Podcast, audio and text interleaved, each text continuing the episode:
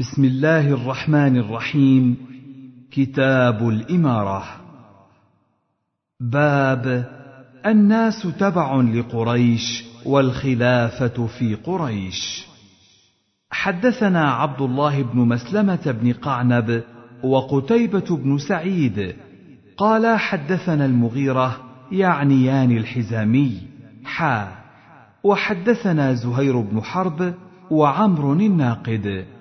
قال حدثنا سفيان بن عيينة كلاهما عن أبي الزناد عن الأعرج عن أبي هريرة قال قال رسول الله صلى الله عليه وسلم وفي حديث زهير يبلغ به النبي صلى الله عليه وسلم وقال عمرو رواية الناس تبع لقريش في هذا الشأن مسلمهم لمسلمهم وكافرهم لكافرهم.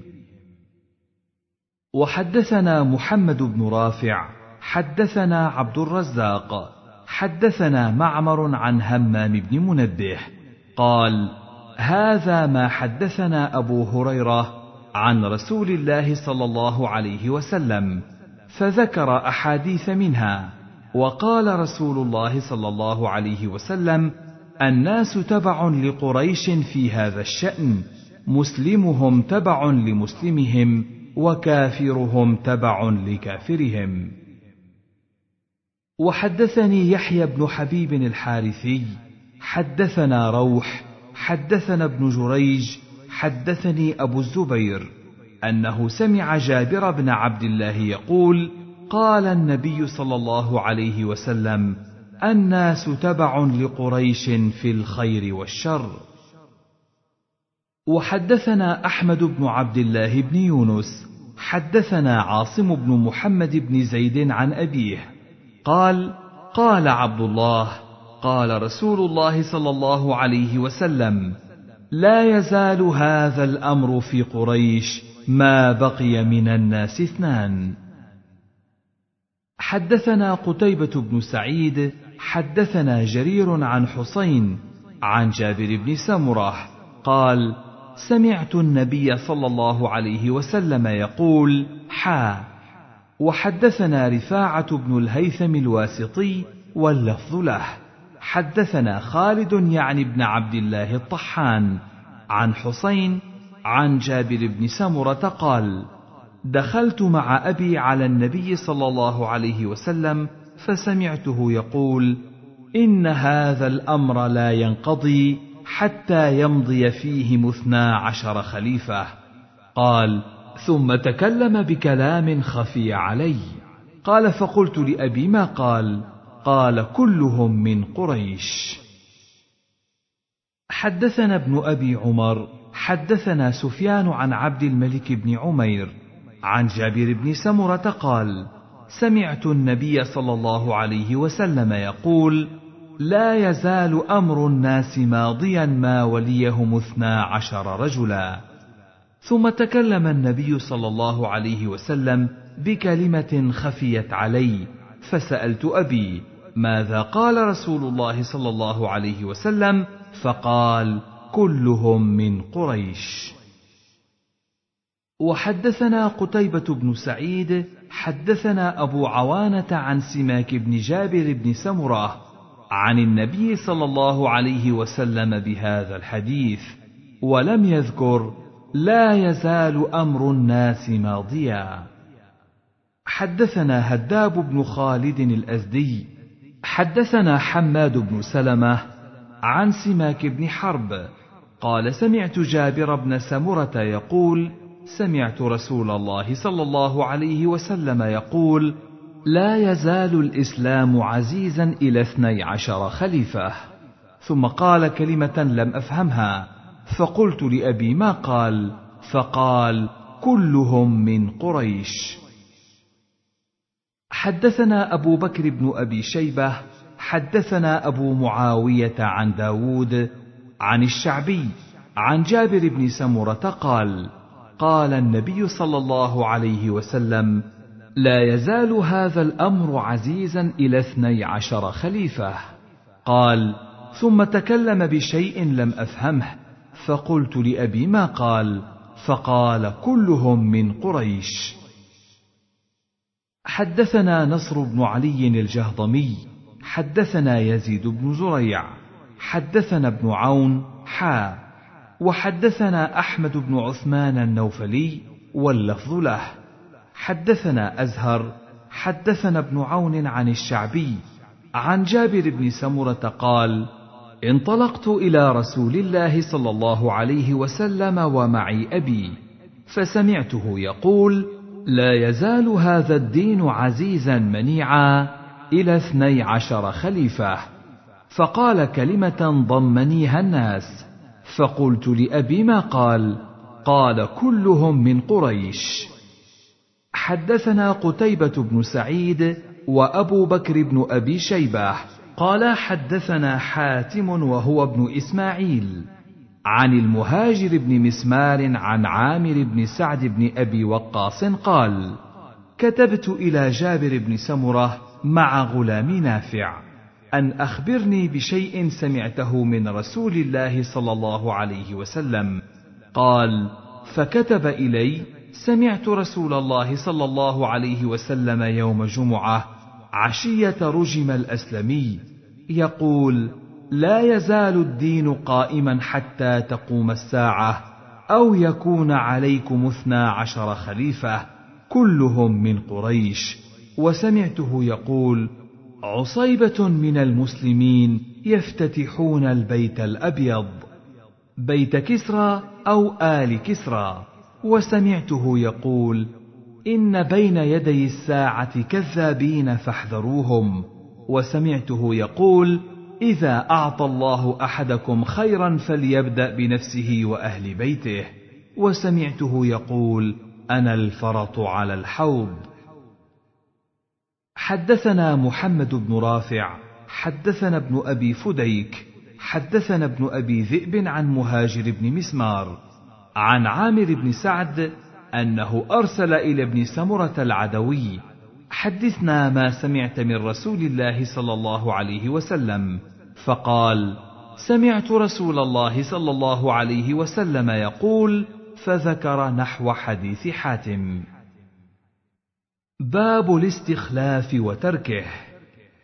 حدثنا أبو كريب محمد بن العلاء حدثنا أبو أسامة عن هشام بن عروة عن أبيه عن ابن عمر قال حضرت أبي حين أصيب فأثنوا عليه وقالوا جزاك الله خيرا فقال راغب وراهب قالوا استخلف فقال أتحمل أمركم حيا وميتا؟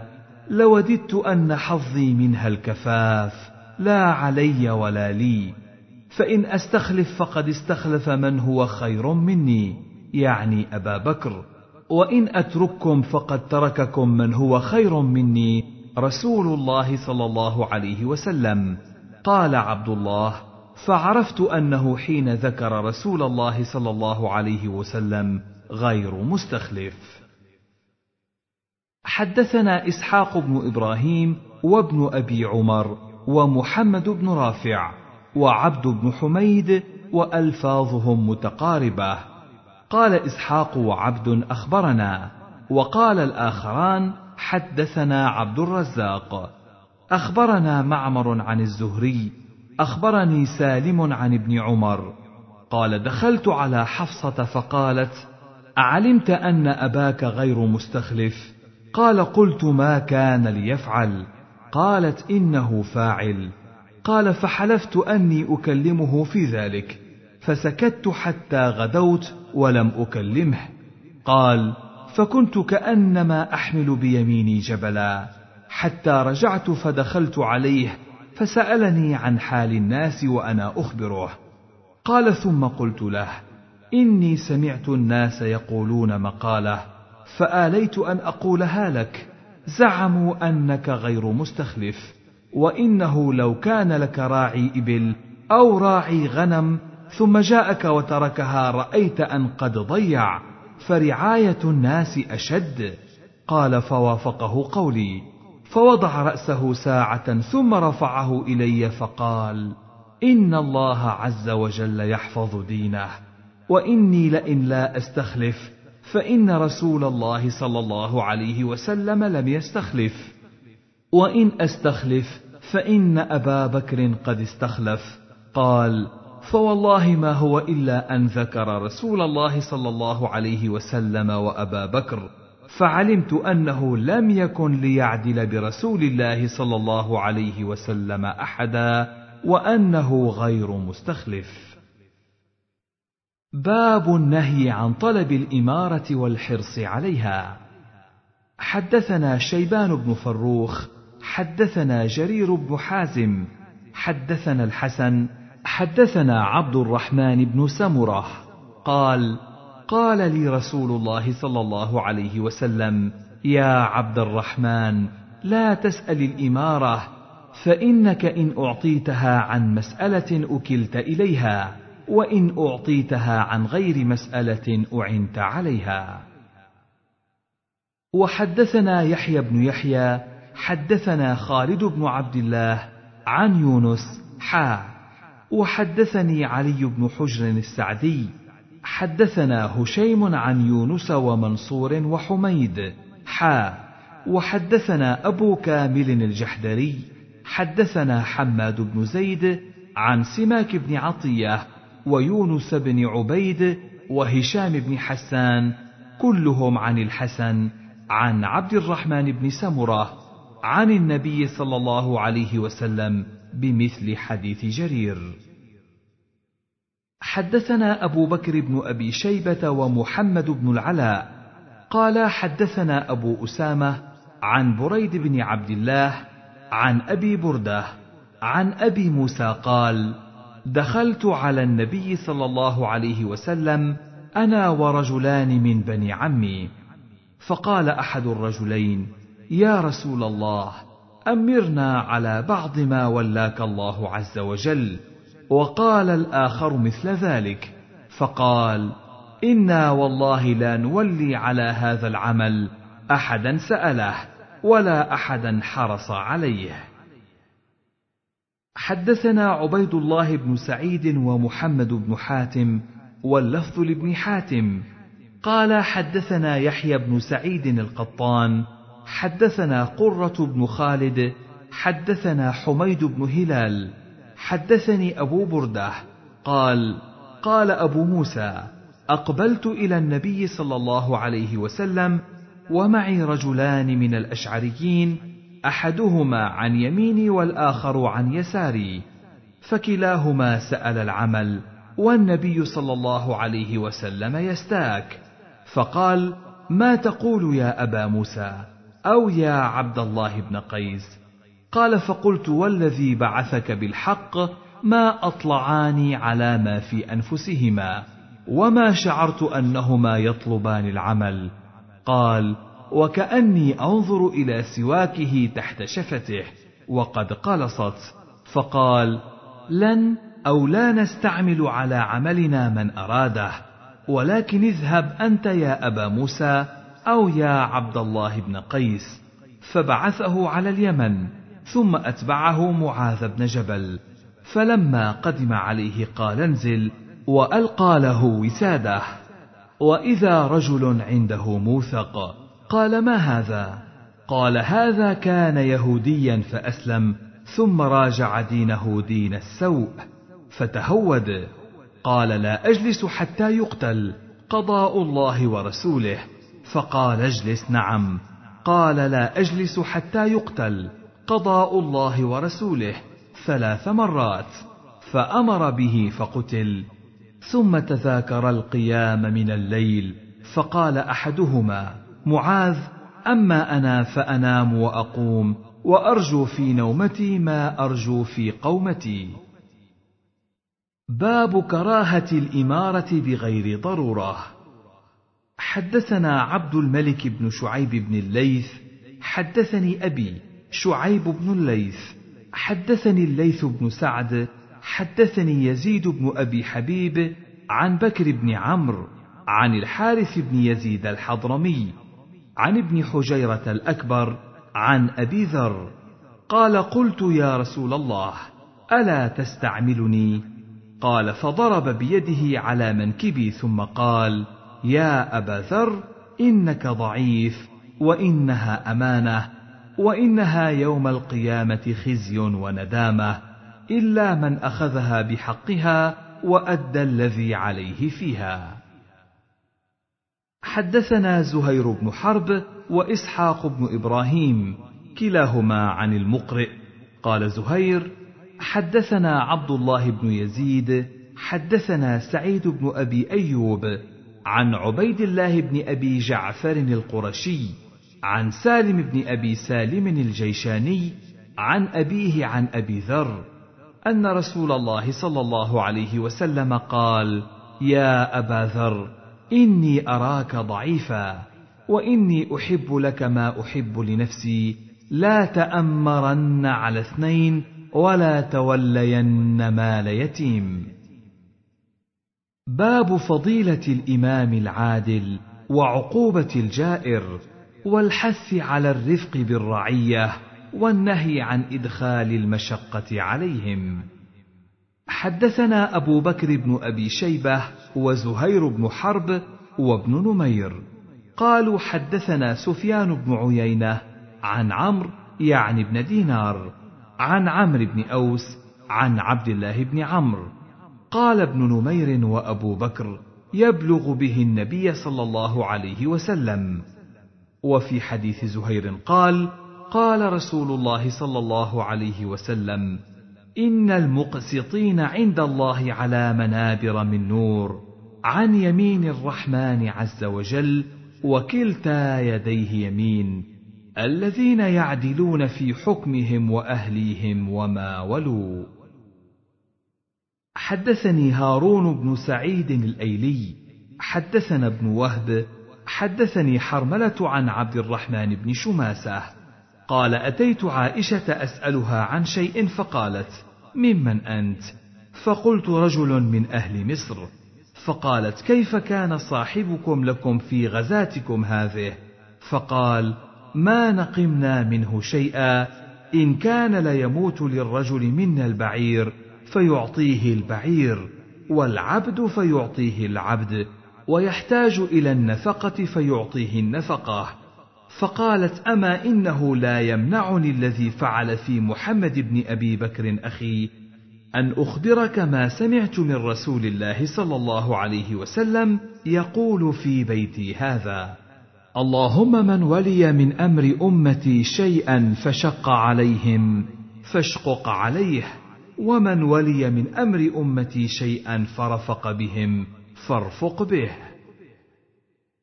وحدثني محمد بن حاتم حدثنا ابن مهدي حدثنا جرير بن حازم عن حرملة المصري عن عبد الرحمن بن شماسة عن عائشة عن النبي صلى الله عليه وسلم بمثله.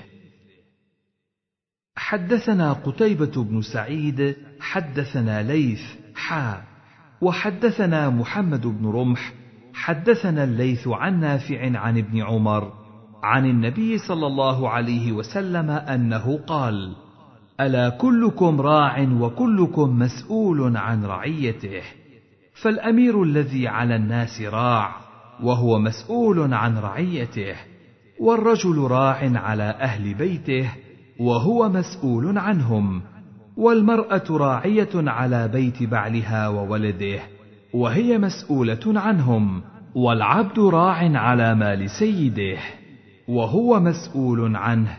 ألا فكلكم راع وكلكم مسؤول عن رعيته. وحدثنا أبو بكر بن أبي شيبة حدثنا محمد بن بشر حا. وحدثنا ابن نمير حدثنا أبي حا. وحدثنا ابن المثنى حدثنا خالد يعني ابن الحارث حا.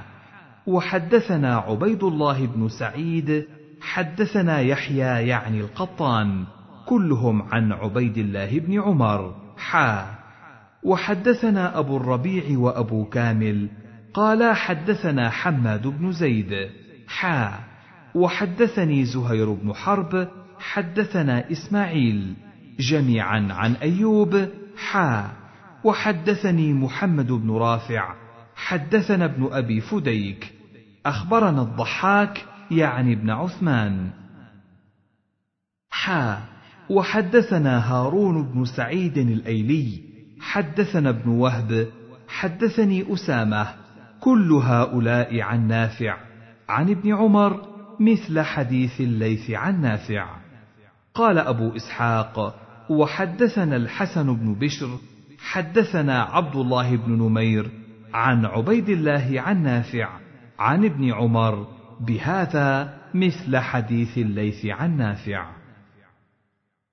وحدثنا يحيى بن يحيى ويحيى بن أيوب وقتيبة بن سعيد وابن حجر كلهم عن إسماعيل بن جعفر عن عبد الله بن دينار عن ابن عمر قال قال رسول الله صلى الله عليه وسلم حا. وحدثني حرملة بن يحيى أخبرنا ابن وهب أخبرني يونس عن ابن شهاب عن سالم بن عبد الله عن أبيه. قال سمعت رسول الله صلى الله عليه وسلم يقول بمعنى حديث نافع عن ابن عمر. وزاد في حديث الزهري قال وحسبت أنه قد قال الرجل راع في مال أبيه ومسؤول عن رعيته. وحدثني أحمد بن عبد الرحمن بن وهب. أخبرني عمي عبد الله بن وهب. أخبرني رجل سماه وعمرو بن الحارث عن بكير عن بسر بن سعيد. حدثه عن عبد الله بن عمر عن النبي صلى الله عليه وسلم بهذا المعنى. وحدثنا شيبان بن فروخ حدثنا أبو الأشهب عن الحسن قال عاد عبيد الله بن زياد معقل بن يسار المزني في مرضه الذي مات فيه فقال معقل إني محدثك حديثا سمعته من رسول الله صلى الله عليه وسلم لو علمت أن لي حياة ما حدثتك. إني سمعت رسول الله صلى الله عليه وسلم يقول ما من عبد يسترعيه الله رعية. يموت يوم يموت وهو غاش لرعيته إلا حرم الله عليه الجنة. وحدثناه يحيى بن يحيى أخبرنا يزيد بن زريع عن يونس عن الحسن قال دخل ابن زياد على معقل بن يسار وهو وجع بمثل حديث أبي الأشهب وزاد قال ألا كنت حدثتني هذا قبل اليوم؟ قال ما حدثتك؟ أو لم أكن لأحدثك. وحدثنا أبو غسان المسمعي وإسحاق بن إبراهيم ومحمد بن المثنى. قال إسحاق أخبرنا وقال الآخران حدثنا معاذ بن هشام. حدثني أبي عن قتادة عن أبي المليح أن عبيد الله بن زياد دخل على معقل بن يسار في مرضه فقال له معقل إني محدثك بحديث لولا أني في الموت لم أحدثك به. سمعت رسول الله صلى الله عليه وسلم يقول ما من أمير يلي أمر المسلمين ثم لا يجهد لهم وينصح إلا لم يدخل معهم الجنة. وحدثنا عقبة بن مكرم العمي حدثنا يعقوب بن إسحاق أخبرني سوادة بن أبي الأسود حدثني أبي أن معقل بن يسار مرض فأتاه عبيد الله بن زياد يعوده نحو حديث الحسن عن معقل. حدثنا شيبان بن فروخ حدثنا جرير بن حازم حدثنا الحسن أن عائذ بن عمرو وكان من أصحاب رسول الله صلى الله عليه وسلم دخل على عبيد الله بن زياد فقال أي بني إني سمعت رسول الله صلى الله عليه وسلم يقول إن شر الرعاء الحطمة فإياك أن تكون منهم. فقال له اجلس فإنما أنت من نخالة أصحاب محمد صلى الله عليه وسلم. فقال وهل كانت لهم نخالة؟ إنما كانت النخالة بعدهم وفي غيرهم. باب غلظ تحريم الغلول. وحدثني زهير بن حرب حدثنا إسماعيل بن إبراهيم عن أبي حيان عن أبي زرعة عن أبي هريرة قال قام فينا رسول الله صلى الله عليه وسلم ذات يوم فذكر الغلول فعظمه وعظم أمره. ثم قال لا ألفين أحدكم يجيء يوم القيامة على رقبته بعير له رغاء يقول يا رسول الله أغثني. فأقول لا أملك لك شيئا قد أبلغتك.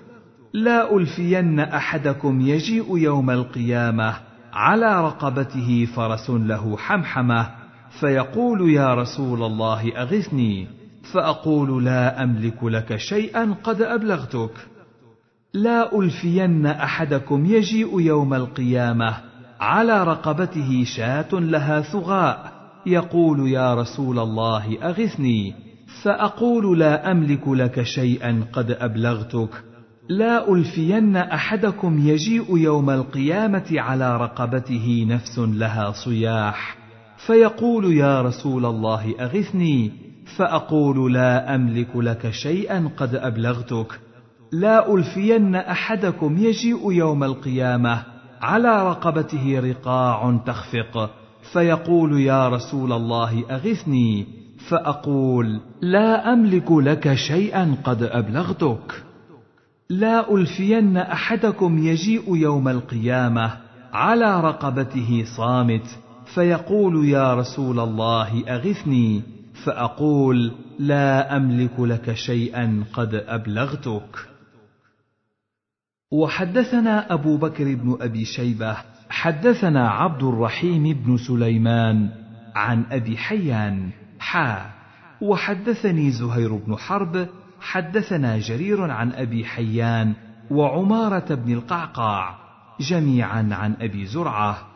عن أبي هريرة بمثل حديث إسماعيل عن أبي حيان. وحدثني أحمد بن سعيد بن صخر الدارمي حدثنا سليمان بن حرب حدثنا حماد يعني بن زيد عن أيوب عن يحيى بن سعيد عن أبي زرعة بن عمرو بن جرير عن أبي هريرة قال ذكر رسول الله صلى الله عليه وسلم الغلول فعظمه. واقتص الحديث. قال حماد ثم سمعت يحيى بعد ذلك يحدثه فحدثنا بنحو ما حدثنا عنه أيوب. وحدثني أحمد بن الحسن بن خراش حدثنا أبو معمر حدثنا عبد الوارث حدثنا أيوب عن يحيى بن سعيد بن حيان عن أبي زرعة عن أبي هريرة عن النبي صلى الله عليه وسلم بنحو حديثهم. باب تحريم هدايا العمال. حدثنا أبو بكر بن أبي شيبة وعمر الناقد وابن أبي عمر واللفظ لأبي بكر. قالوا حدثنا سفيان بن عيينة عن الزهري عن عروة عن أبي حميد الساعدي. قال استعمل رسول الله صلى الله عليه وسلم رجلا من الأسد يقال له ابن اللتبية قال عمرو وابن أبي عمر على الصدقة. فلما قدم قال هذا لكم وهذا لي أهدي لي. قال فقام رسول الله صلى الله عليه وسلم على المنبر فحمد الله وأثنى عليه وقال ما بال عامل أبعثه فيقول هذا لكم وهذا أهدي لي. أفلا قعد في بيت أبيه أو في بيت أمه حتى ينظر أيهدى إليه أم لا. والذي نفس محمد بيده لا ينال أحد منكم منها شيئا إلا جاء به يوم القيامة يحمله على عنقه بعير له رغاء. أو بقرة لها خوار أو شاة تيعر. ثم رفع يديه حتى رأينا عفرتي إبطيه. ثم قال اللهم هل بلغت مرتين. حدثنا إسحاق بن إبراهيم وعبد بن حميد. قال أخبرنا عبد الرزاق. حدثنا معمر عن الزهري عن عروة عن أبي حميد الساعدي. قال استعمل النبي صلى الله عليه وسلم ابن اللتبية رجلا من الأزد على الصدقة فجاء بالمال فدفعه إلى النبي صلى الله عليه وسلم فقال هذا مالكم وهذه هدية أهديت لي. فقال له النبي صلى الله عليه وسلم أفلا قعدت في بيت أبيك وأمك فتنظر أيهدى إليك أم لا؟ ثم قام النبي صلى الله عليه وسلم خطيبا ثم ذكر نحو حديث سفيان. حدثنا أبو كريب محمد بن العلاء حدثنا أبو أسامة حدثنا هشام عن أبيه عن أبي حميد الساعدي قال استعمل رسول الله صلى الله عليه وسلم رجلا من الأزد على صدقات بني سليم يدعى ابن الاتبيه فلما جاء حاسبه قال هذا مالكم وهذا هدية. فقال رسول الله صلى الله عليه وسلم فهلا جلست في بيت أبيك وأمك حتى تأتيك هديتك إن كنت صادقا؟ ثم خطبنا فحمد الله وأثنى عليه ثم قال أما بعد فإني أستعمل الرجل منكم على العمل مما ولاني الله. فياتي فيقول هذا مالكم وهذا هدية أهديت لي. أفلا جلس في بيت أبيه وأمه حتى تأتيه هديته إن كان صادقا. والله لا يأخذ أحد منكم منها شيئا بغير حقه إلا لقي الله تعالى يحمله يوم القيامة. فلاعرفن أحدا منكم لقي الله يحمل بعيرا له رغاء. أو بقرة لها خوار أو شاة تيعر. ثم رفع يديه حتى رؤي بياض إبطيه. ثم قال اللهم هل بلغت؟ بصر عيني وسمع أذني. وحدثنا أبو كريب حدثنا عبدة وابن نمير وأبو معاوية حا. وحدثنا أبو بكر بن أبي شيبة حدثنا عبد الرحيم بن سليمان حا. وحدثنا ابن أبي عمر حدثنا سفيان. كلهم عن هشام بهذا الإسناد. وفي حديث عبدة وابن نمير فلما جاء حاسبه كما قال أبو أسامة.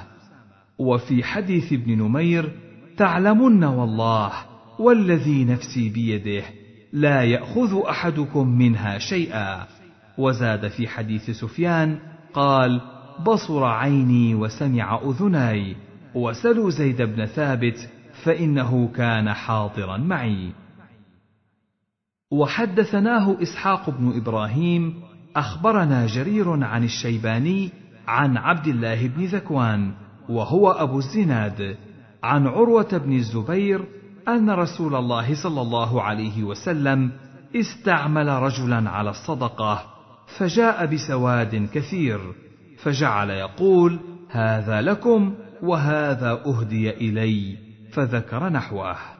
قال عروة فقلت لأبي حميد الساعدي أسمعته من رسول الله صلى الله عليه وسلم فقال من فيه إلى أذني حدثنا أبو بكر بن أبي شيبة حدثنا وكيع بن الجراح حدثنا إسماعيل بن أبي خالد عن قيس بن أبي حازم عن عدي بن عميرة الكندي قال سمعت رسول الله صلى الله عليه وسلم يقول من استعملناه منكم على عمل فكتمنا مخيطا فما فوقه كان غلولا يأتي به يوم القيامة قال فقام إليه رجل أسود من الأنصار كأني أنظر إليه فقال يا رسول الله اقبل عني عملك.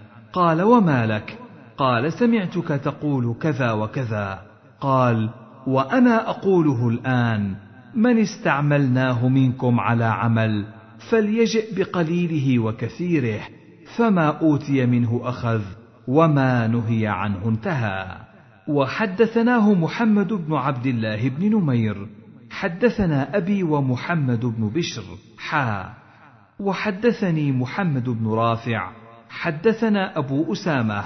قالوا حدثنا إسماعيل بهذا الإسناد بمثله. وحدثناه إسحاق بن إبراهيم الحنظلي. أخبرنا الفضل بن موسى. حدثنا إسماعيل بن أبي خالد. أخبرنا قيس بن أبي حازم. قال سمعت عدي بن عميرة الكندي يقول سمعت رسول الله صلى الله عليه وسلم يقول بمثل حديثهم باب وجوب طاعة الأمراء في غير معصية وتحريمها في المعصية. حدثني زهير بن حرب وهارون بن عبد الله. قال حدثنا حجاج بن محمد. قال قال ابن جريج نزل يا أيها الذين آمنوا أطيعوا الله وأطيعوا الرسول وأولي الأمر منكم. في عبد الله بن حذافة بن قيس بن عدي السهمي بعثه النبي صلى الله عليه وسلم في سرية. أخبرنيه يعلى بن مسلم عن سعيد بن جبير عن ابن عباس. حدثنا يحيى بن يحيى أخبرنا المغيرة بن عبد الرحمن الحزامي عن أبي الزناد عن الأعرج عن أبي هريرة عن النبي صلى الله عليه وسلم قال من أطاعني فقد أطاع الله ومن يعصني فقد عصى الله ومن يطع الأمير فقد أطاعني ومن يعص الأمير فقد عصاني. وحدثنيه زهير بن حرب حدثنا ابن عيينة عن أبي الزناد بهذا الإسناد ولم يذكر ومن يعص الأمير فقد عصاني. وحدثني حرملة بن يحيى أخبرنا ابن وهب أخبرني يونس عن ابن شهاب أخبره قال حدثنا أبو سلمة بن عبد الرحمن عن أبي هريرة عن رسول الله صلى الله عليه وسلم أنه قال من أطاعني فقد أطاع الله ومن عصاني فقد عصى الله ومن أطاع أميري فقد أطاعني ومن عصى أميري فقد عصاني. وحدثني محمد بن حاتم حدثنا مكي بن إبراهيم حدثنا ابن جريج عن زياد عن ابن شهاب أن أبا سلمة بن عبد الرحمن أخبره أنه سمع أبا هريرة يقول قال رسول الله صلى الله عليه وسلم بمثله سواء. وحدثني أبو كامل الجحدري حدثنا أبو عوانة عن يعلى بن عطاء عن أبي علقمة قال حدثني أبو هريرة من فيه إلى في قال سمعت رسول الله صلى الله عليه وسلم حا. وحدثني عبيد الله بن معاذ حدثنا أبي حا وحدثنا محمد بن بشار حدثنا محمد بن جعفر قال حدثنا شعبة عن يعلى بن عطاء سمع أبا علقمة سمع أبا هريرة عن النبي صلى الله عليه وسلم نحو حديثهم. وحدثنا محمد بن رافع حدثنا عبد الرزاق حدثنا معمر عن همام بن منبه عن أبي هريرة عن النبي صلى الله عليه وسلم بمثل حديثهم. وحدثني أبو الطاهر أخبرنا ابن وهب عن حيوة أن أبا يونس مولى أبي هريرة حدثه قال سمعت أبا هريرة يقول عن رسول الله صلى الله عليه وسلم بذلك وقال من أطاع الأمير ولم يقل أميري. وكذلك في حديث همام عن أبي هريرة. وحدثنا سعيد بن منصور وقتيبة بن سعيد كلاهما عن يعقوب. قال سعيد حدثنا يعقوب بن عبد الرحمن عن أبي حازم عن أبي صالح السمان عن أبي هريرة قال قال رسول الله صلى الله عليه وسلم عليك السمع والطاعة في عسرك ويسرك ومنشطك ومكرهك وأثرة عليك. وحدثنا أبو بكر بن أبي شيبة وعبد الله بن براد الأشعري وأبو كريب قالوا حدثنا ابن إدريس عن شعبة عن أبي عمران عن عبد الله بن الصامت عن أبي ذر قال إن خليلي أوصاني أن أسمع وأطيع وإن كان عبدا مجدع الأطراف. وحدثنا محمد بن بشار حدثنا محمد بن جعفر حا. وحدثنا إسحاق أخبرنا النضر بن شميل جميعا عن شعبة عن أبي عمران بهذا الإسناد وقال في الحديث عبدا حبشيا مجدع الأطراف. وحدثناه عبيد الله بن معاذ حدثنا أبي حدثنا شعبة عن أبي عمران بهذا الإسناد كما قال ابن إدريس عبدا مجدع الأطراف. حدثنا محمد بن المثنى حدثنا محمد بن جعفر حدثنا شعبة عن يحيى بن حسين قال سمعت جدتي تحدث أنها سمعت النبي صلى الله عليه وسلم يخطب في حجة الوداع وهو يقول ولو استعمل عليكم عبد يقودكم بكتاب الله فاسمعوا له واطيعوا وحدثناه ابن بشار حدثنا محمد بن جعفر وعبد الرحمن بن مهدي عن شعبة بهذا الإسناد وقال عبدا حبشيا. وحدثنا أبو بكر بن أبي شيبة حدثنا وكيع بن الجراح عن شعبة بهذا الإسناد وقال عبدا حبشيا مجدعا. وحدثنا عبد الرحمن بن بشر حدثنا بهز حدثنا شعبة بهذا الإسناد ولم يذكر حبشيا مجدعا وزاد أنها سمعت رسول الله صلى الله عليه وسلم بمنى أو بعرفات. وحدثني سلمة بن شبيب حدثنا الحسن بن أعين حدثنا معقل عن زيد بن أبي أنيسة عن يحيى بن حسين عن جدته أم الحسين. قال سمعتها تقول حججت مع رسول الله صلى الله عليه وسلم حجة الوداع. قالت فقال رسول الله صلى الله عليه وسلم قولا كثيرا. ثم سمعته يقول إن أمر عليكم عبد مجدع. حسبتها قالت أسود يقودكم بكتاب الله فاسمعوا له وأطيعوا. حدثنا قتيبة بن سعيد حدثنا ليث عن عبيد الله عن نافع عن ابن عمر عن النبي صلى الله عليه وسلم أنه قال على المرء المسلم السمع والطاعة فيما أحب وكره إلا أن يؤمر بمعصية فإن أمر بمعصية فلا سمع ولا طاعة. وحدثناه زهير بن حرب ومحمد بن المثنى. قال حدثنا يحيى وهو القطان. حا. وحدثنا ابن نمير. حدثنا أبي.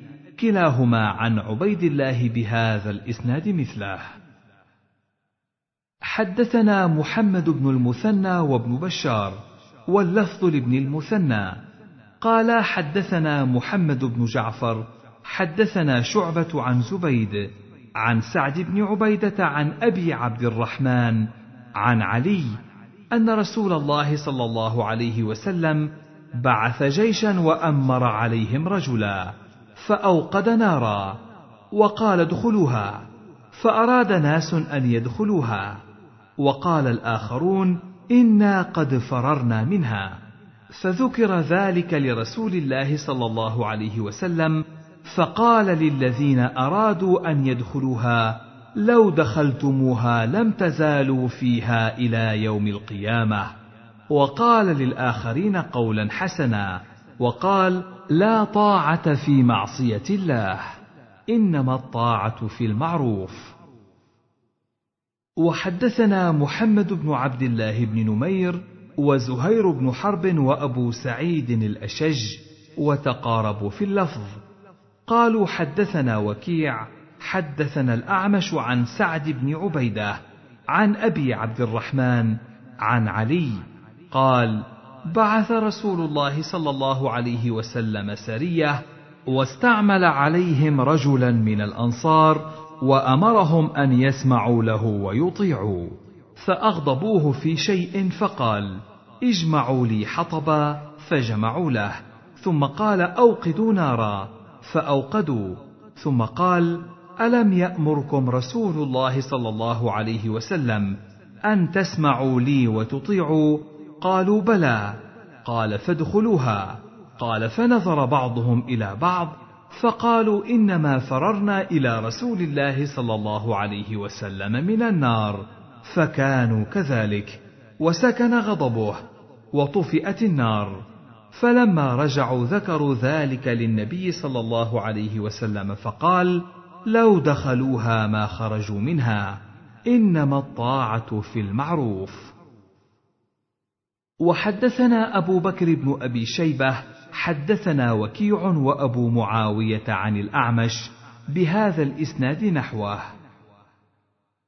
حدثنا أبو بكر بن أبي شيبة حدثنا عبد الله بن إدريس عن يحيى بن سعيد وعبيد الله بن عمر عن عبادة بن الوليد بن عبادة عن أبيه عن جده قال بايعنا رسول الله صلى الله عليه وسلم على السمع والطاعة في العسر واليسر والمنشط والمكره وعلى أثرة علينا وعلى الا ننازع الأمر أهله وعلى أن نقول بالحق أينما كنا. لا نخاف في الله لومه لائم وحدثناه ابن نمير حدثنا عبد الله يعني ابن إدريس حدثنا ابن عجلان وعبيد الله بن عمر ويحيى بن سعيد عن عبادة بن الوليد في هذا الإسناد مثله.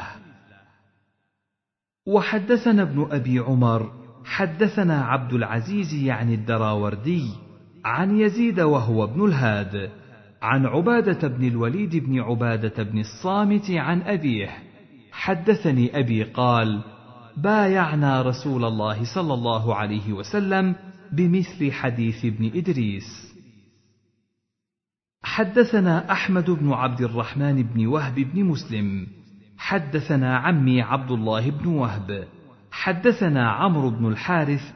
حدثني بكير عن بسر بن سعيد عن جنادة بن أبي أمية قال دخلنا على عبادة بن الصامت وهو مريض فقلنا حدثنا أصلحك الله بحديث ينفع الله به سمعته من رسول الله صلى الله عليه وسلم فقال دعانا رسول الله صلى الله عليه وسلم فبايعناه فكان فيما أخذ علينا أن بايعنا على السمع والطاعة في منشطنا ومكرهنا وعسرنا ويسرنا وأثرة علينا. وألا ننازع الأمر أهله. قال إلا أن تروا كفرا بواحا عندكم من الله فيه برهان. باب الإمام جنة يقاتل به من ورائه ويتقى به. حدثنا إبراهيم عن مسلم حدثني زهير بن حرب حدثنا شبابه حدثني ورقاء عن أبي الزناد عن الأعرج عن أبي هريرة عن النبي صلى الله عليه وسلم قال إنما الإمام جنة يقاتل من ورائه ويتقى به فإن أمر بتقوى الله عز وجل وعدل كان له بذلك أجر وإن يأمر بغيره كان عليه منه. باب وجوب الوفاء ببيعة الخلفاء الأول فالأول. حدثنا محمد بن بشار حدثنا محمد بن جعفر حدثنا شعبة عن فرات القزاز عن أبي حازم قال قاعدت أبا هريرة خمس سنين فسمعته يحدث عن النبي صلى الله عليه وسلم قال كانت بنو إسرائيل تسوسهم الأنبياء كلما هلك نبي خلفه نبي وإنه لا نبي بعدي. وستكون خلفاء فتكثر. قالوا فما تأمرنا؟ قال فوا ببيعة الأول فالأول وأعطوهم حقهم فإن الله سائلهم عما استرعاهم. حدثنا أبو بكر بن أبي شيبة وعبد الله بن براد الأشعري قال حدثنا عبد الله بن إدريس عن الحسن بن فرات عن أبيه بهذا الإسناد مثله. حدثنا أبو بكر بن أبي شيبة حدثنا أبو الأحوص ووكيع.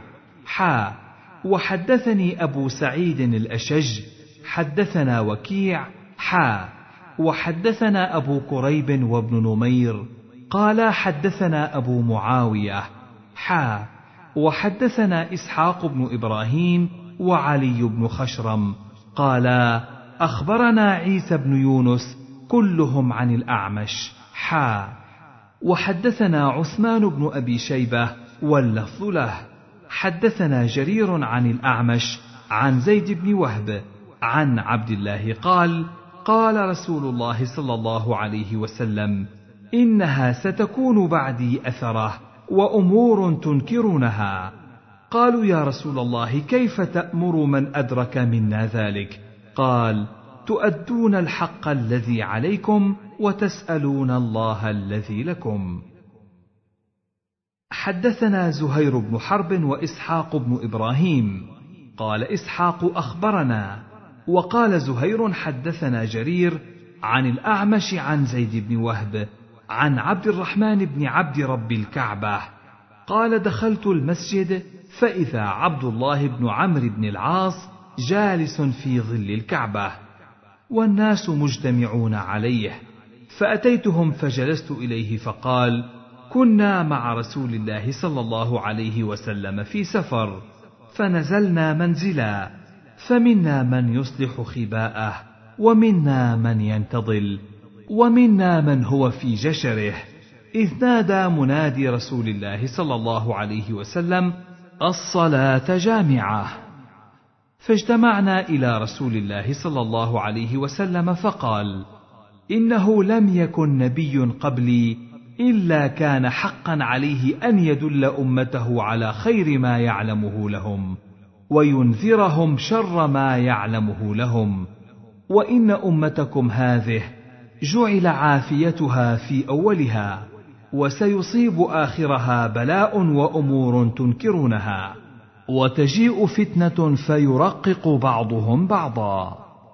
وتجيء الفتنة فيقول المؤمن هذه مهلكتي. ثم تنكشف.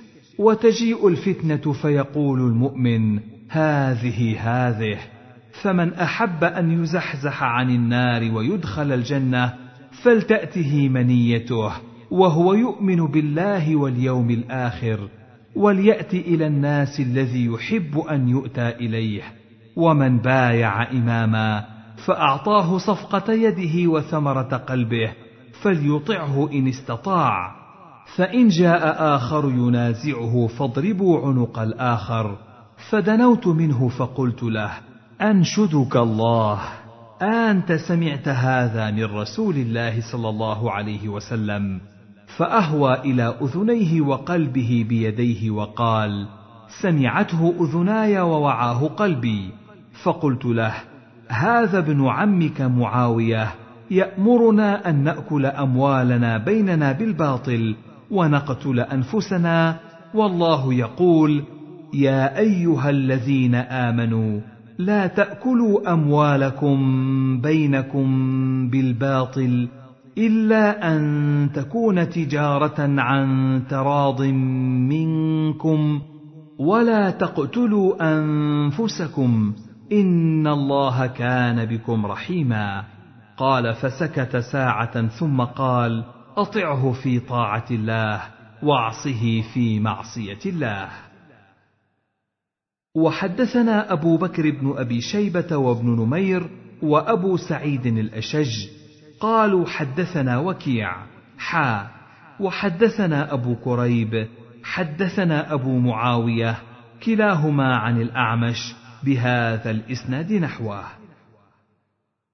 وحدثني محمد بن رافع حدثنا أبو المنذر إسماعيل بن عمر حدثنا يونس بن أبي إسحاق الهمداني حدثنا عبد الله بن أبي السفر عن عامر عن عبد الرحمن بن عبد رب الكعبة الصائدي. قال رأيت جماعة عند الكعبة فذكر نحو حديث الأعمش. باب الأمر بالصبر عند ظلم الولاة واستئثارهم. حدثنا محمد بن المثنى ومحمد بن بشار.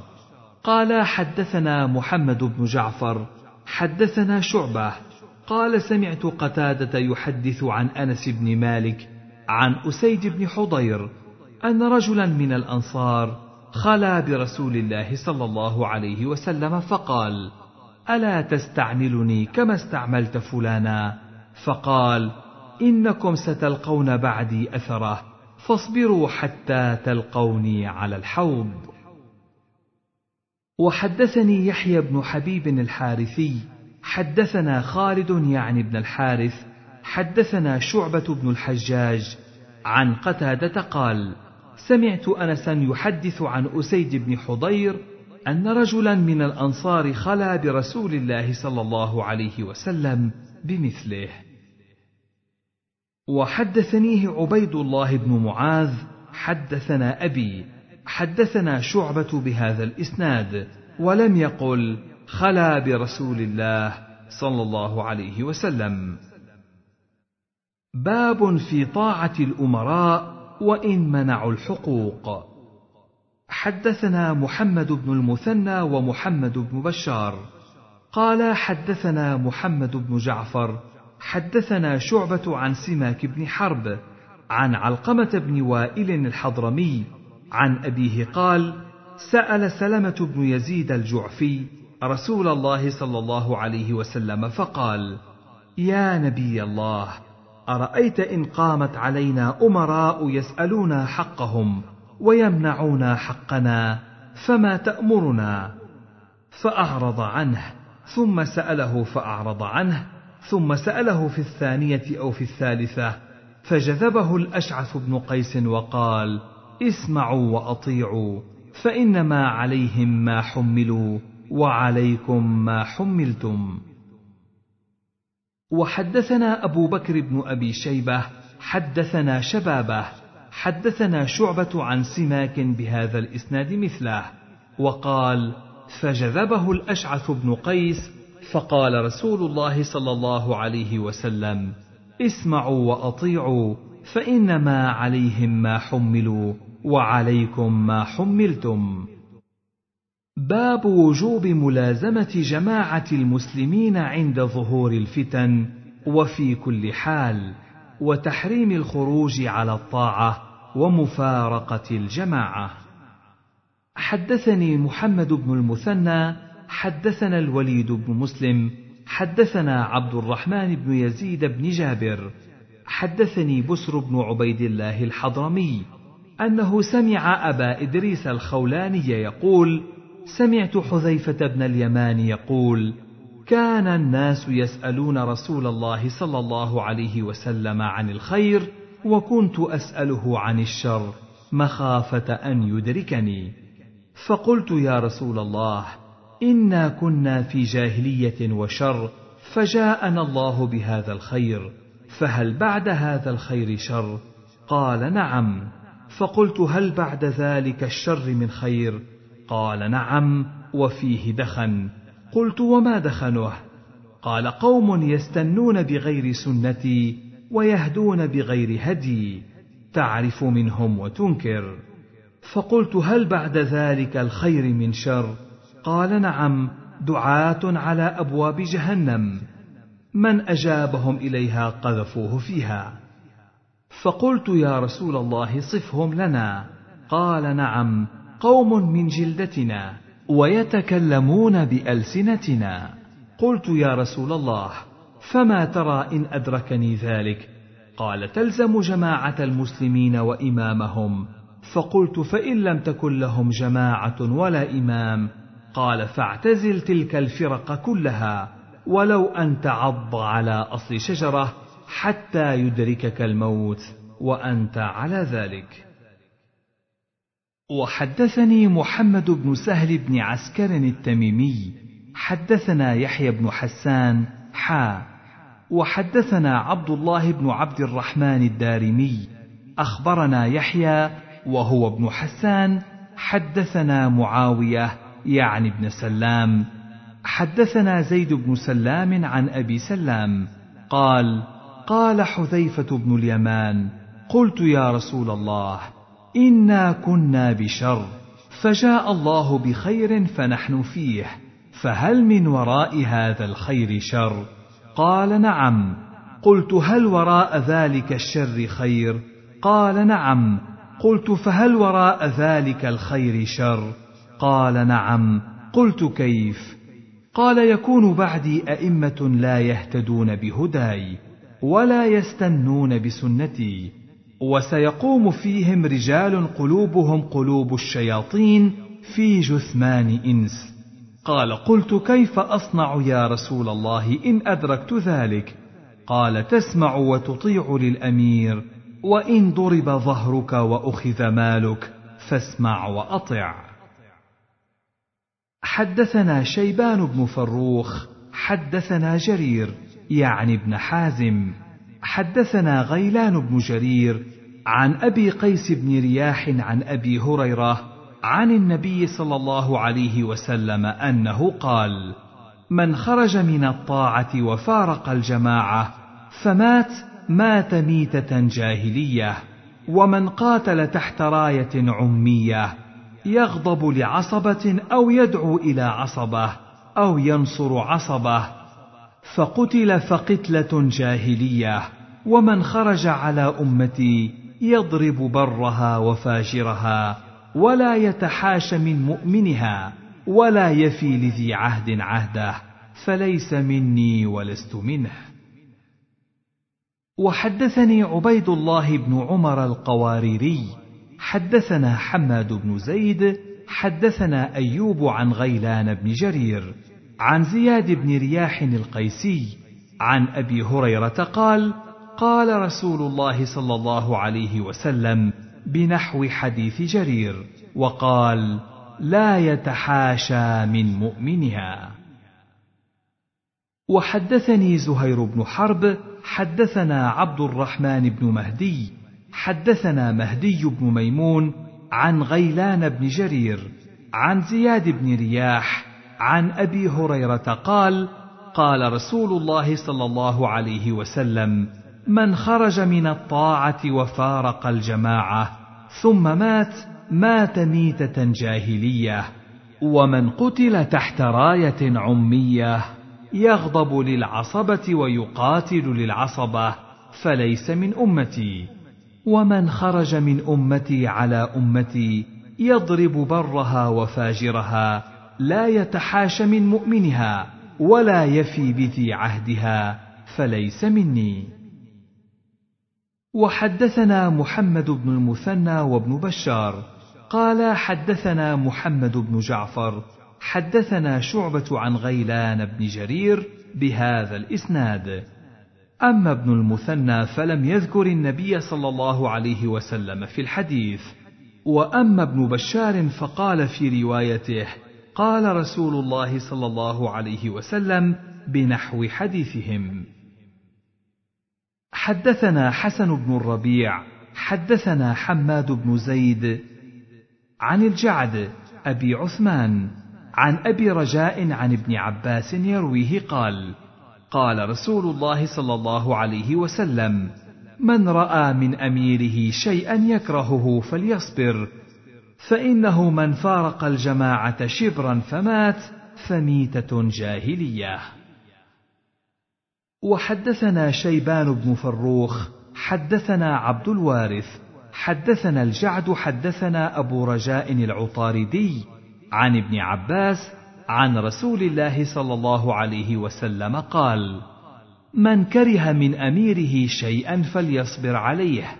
فإنه ليس أحد من الناس خرج من السلطان شبرا فمات عليه إلا مات ميتة جاهلية. حدثنا هريم بن عبد الأعلى حدثنا المعتمر. قال سمعت أبي يحدث عن أبي مجلز عن جندب بن عبد الله البجلي.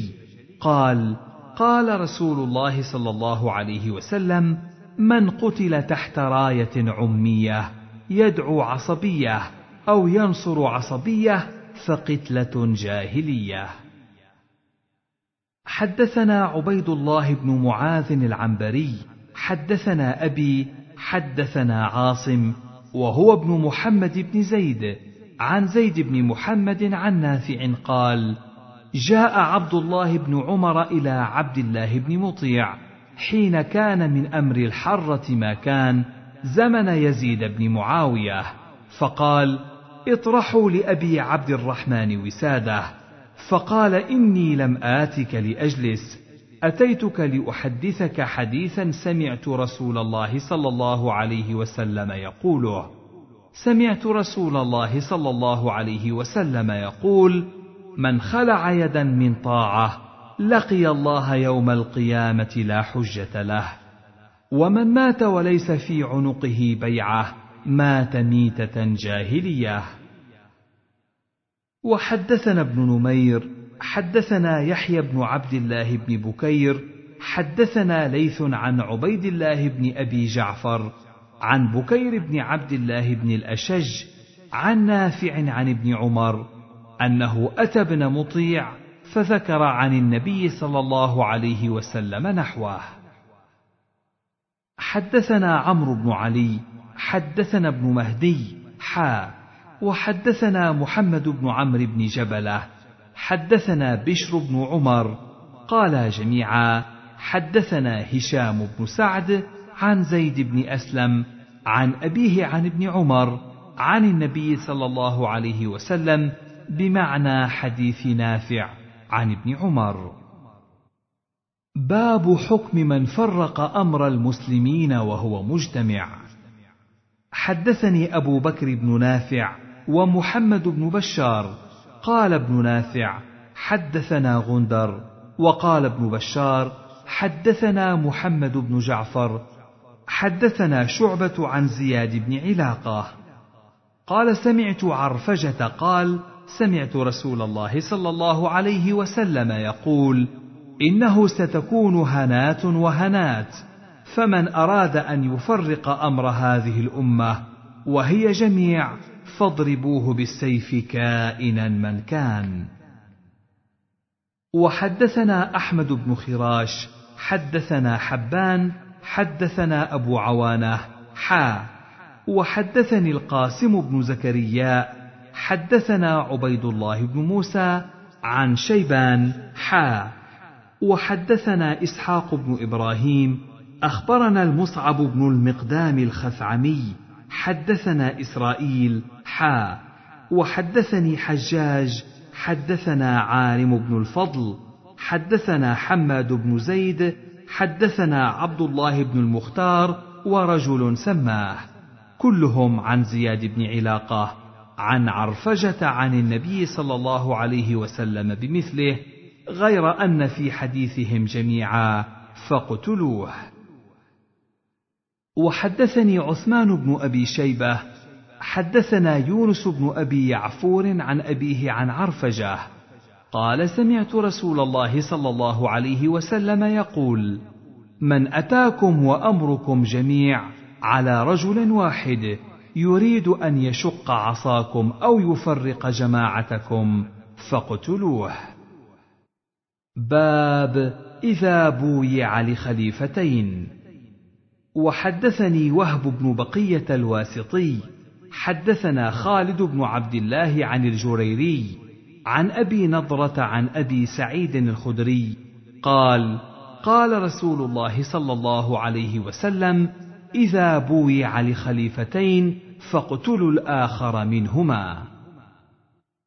باب وجوب الإنكار على الأمراء فيما يخالف الشرع وترك قتالهم ما صلوا ونحو ذلك. حدثنا هداب بن خالد الأزدي حدثنا همام بن يحيى حدثنا قتادة عن الحسن عن ضبة بن محصن عن أم سلمة أن رسول الله صلى الله عليه وسلم قال ستكون أمراء فتعرفون وتنكرون. فمن عرف برئ ومن أنكر سلم ولكن من رضي وتابع. قالوا أفلا نقاتلهم؟ قال لا ما صلوا. وحدثني أبو غسان المسمعي ومحمد بن بشار جميعا عن معاذ واللفظ لأبي غسان. حدثنا معاذ وهو ابن هشام الدستوائي. حدثني أبي عن قتادة حدثنا الحسن عن ضبة بن محصن العنزي عن أم سلمة زوج النبي صلى الله عليه وسلم عن النبي صلى الله عليه وسلم أنه قال إنه يستعمل عليكم أمراء فتعرفون وتنكرون فمن كره فقد برئ ومن أنكر فقد سلم ولكن من رضي وتابع. قالوا يا رسول الله ألا نقاتلهم؟ قال لا ما صلوا. أي من كره بقلبه وأنكر بقلبه. وحدثني أبو الربيع العتكي. حدثنا حماد يعني بن زيد. حدثنا المعلى بن زياد وهشام عن الحسن عن ضبة بن محصن عن أم سلمة قالت قال رسول الله صلى الله عليه وسلم بنحو ذلك غير أنه قال فمن أنكر فقد برئ ومن كره فقد سلم. وحدثناه حسن بن الربيع البجلي. حدثنا ابن المبارك عن هشام عن الحسن عن ضبة بن محصن عن أم سلمة قالت قال رسول الله صلى الله عليه وسلم فذكر مثله إلا قوله ولكن من رضي وتابع لم يذكره. باب خيار الأئمة وشرارهم. حدثنا إسحاق بن إبراهيم الحنظلي. أخبرنا عيسى بن يونس.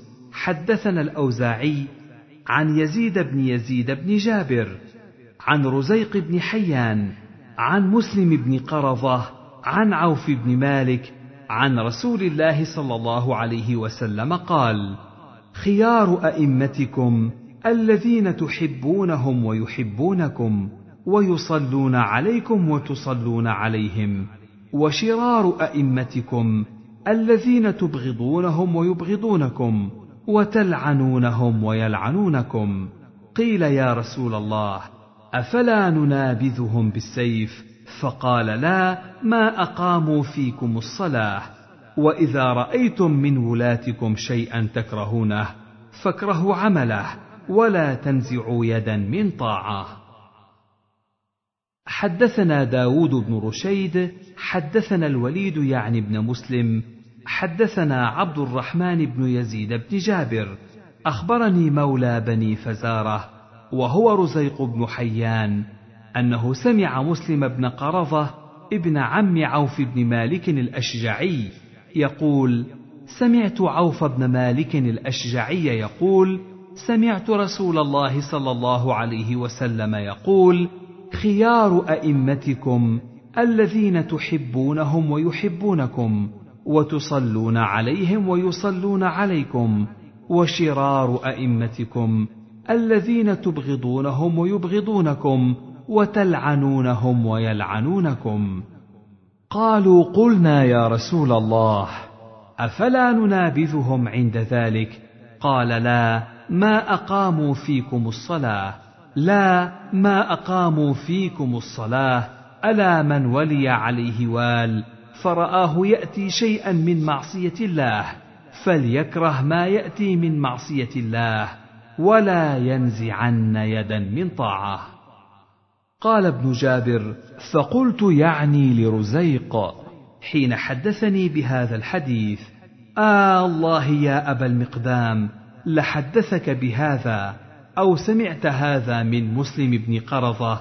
يقول سمعت عوفا يقول سمعت رسول الله صلى الله عليه وسلم قال فجثى على ركبتيه واستقبل القبلة فقال إي والله الذي لا إله إلا هو لسمعته من مسلم بن قرظة يقول سمعت عوف بن مالك يقول سمعت رسول الله صلى الله عليه وسلم.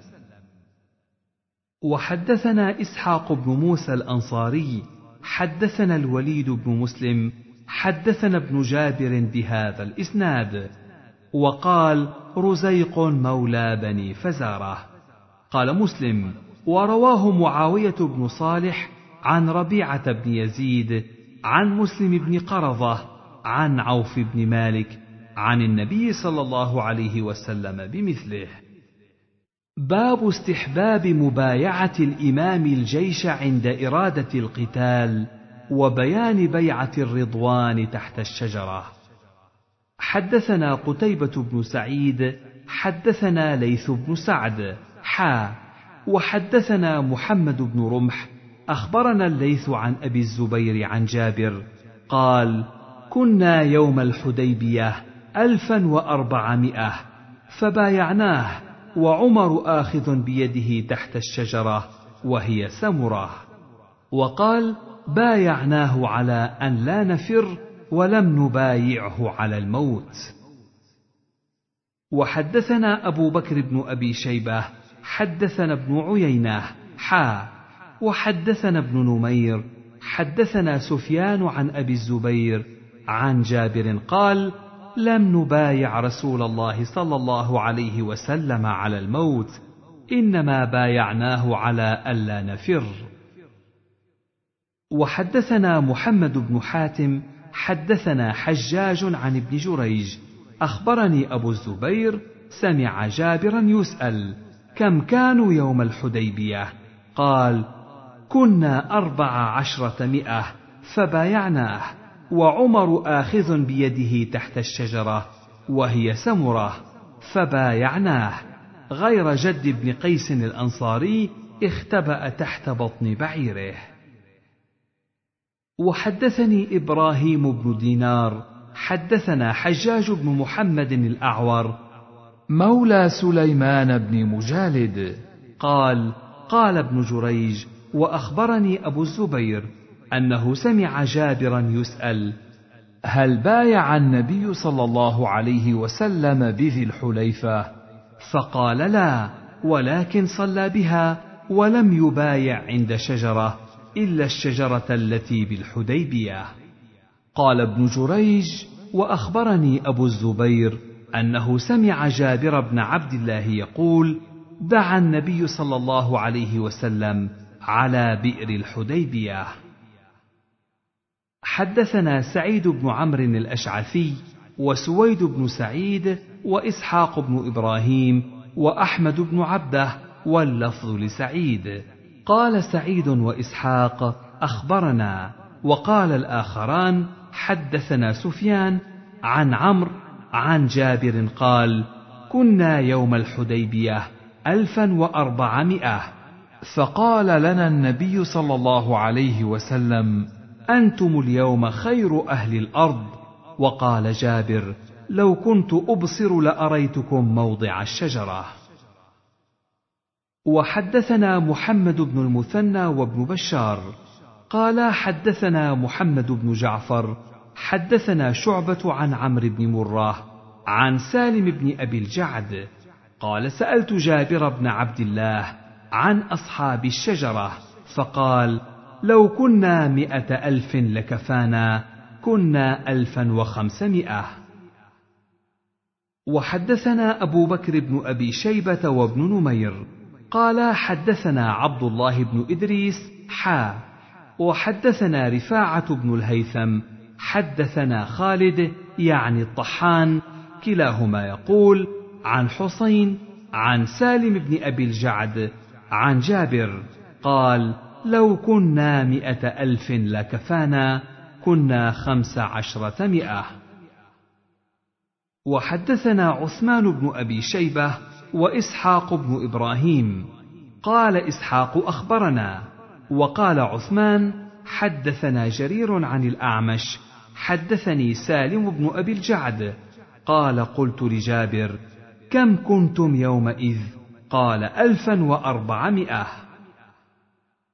حدثنا عبيد الله بن معاذ حدثنا أبي حدثنا شعبة عن عمرو يعني ابن مرة.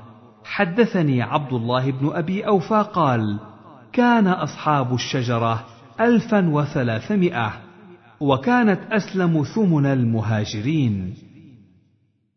وحدثنا ابن المثنى حدثنا أبو داود حا. وحدثناه إسحاق بن إبراهيم أخبرنا النضر بن شميل جميعا عن شعبة بهذا الإسناد مثله.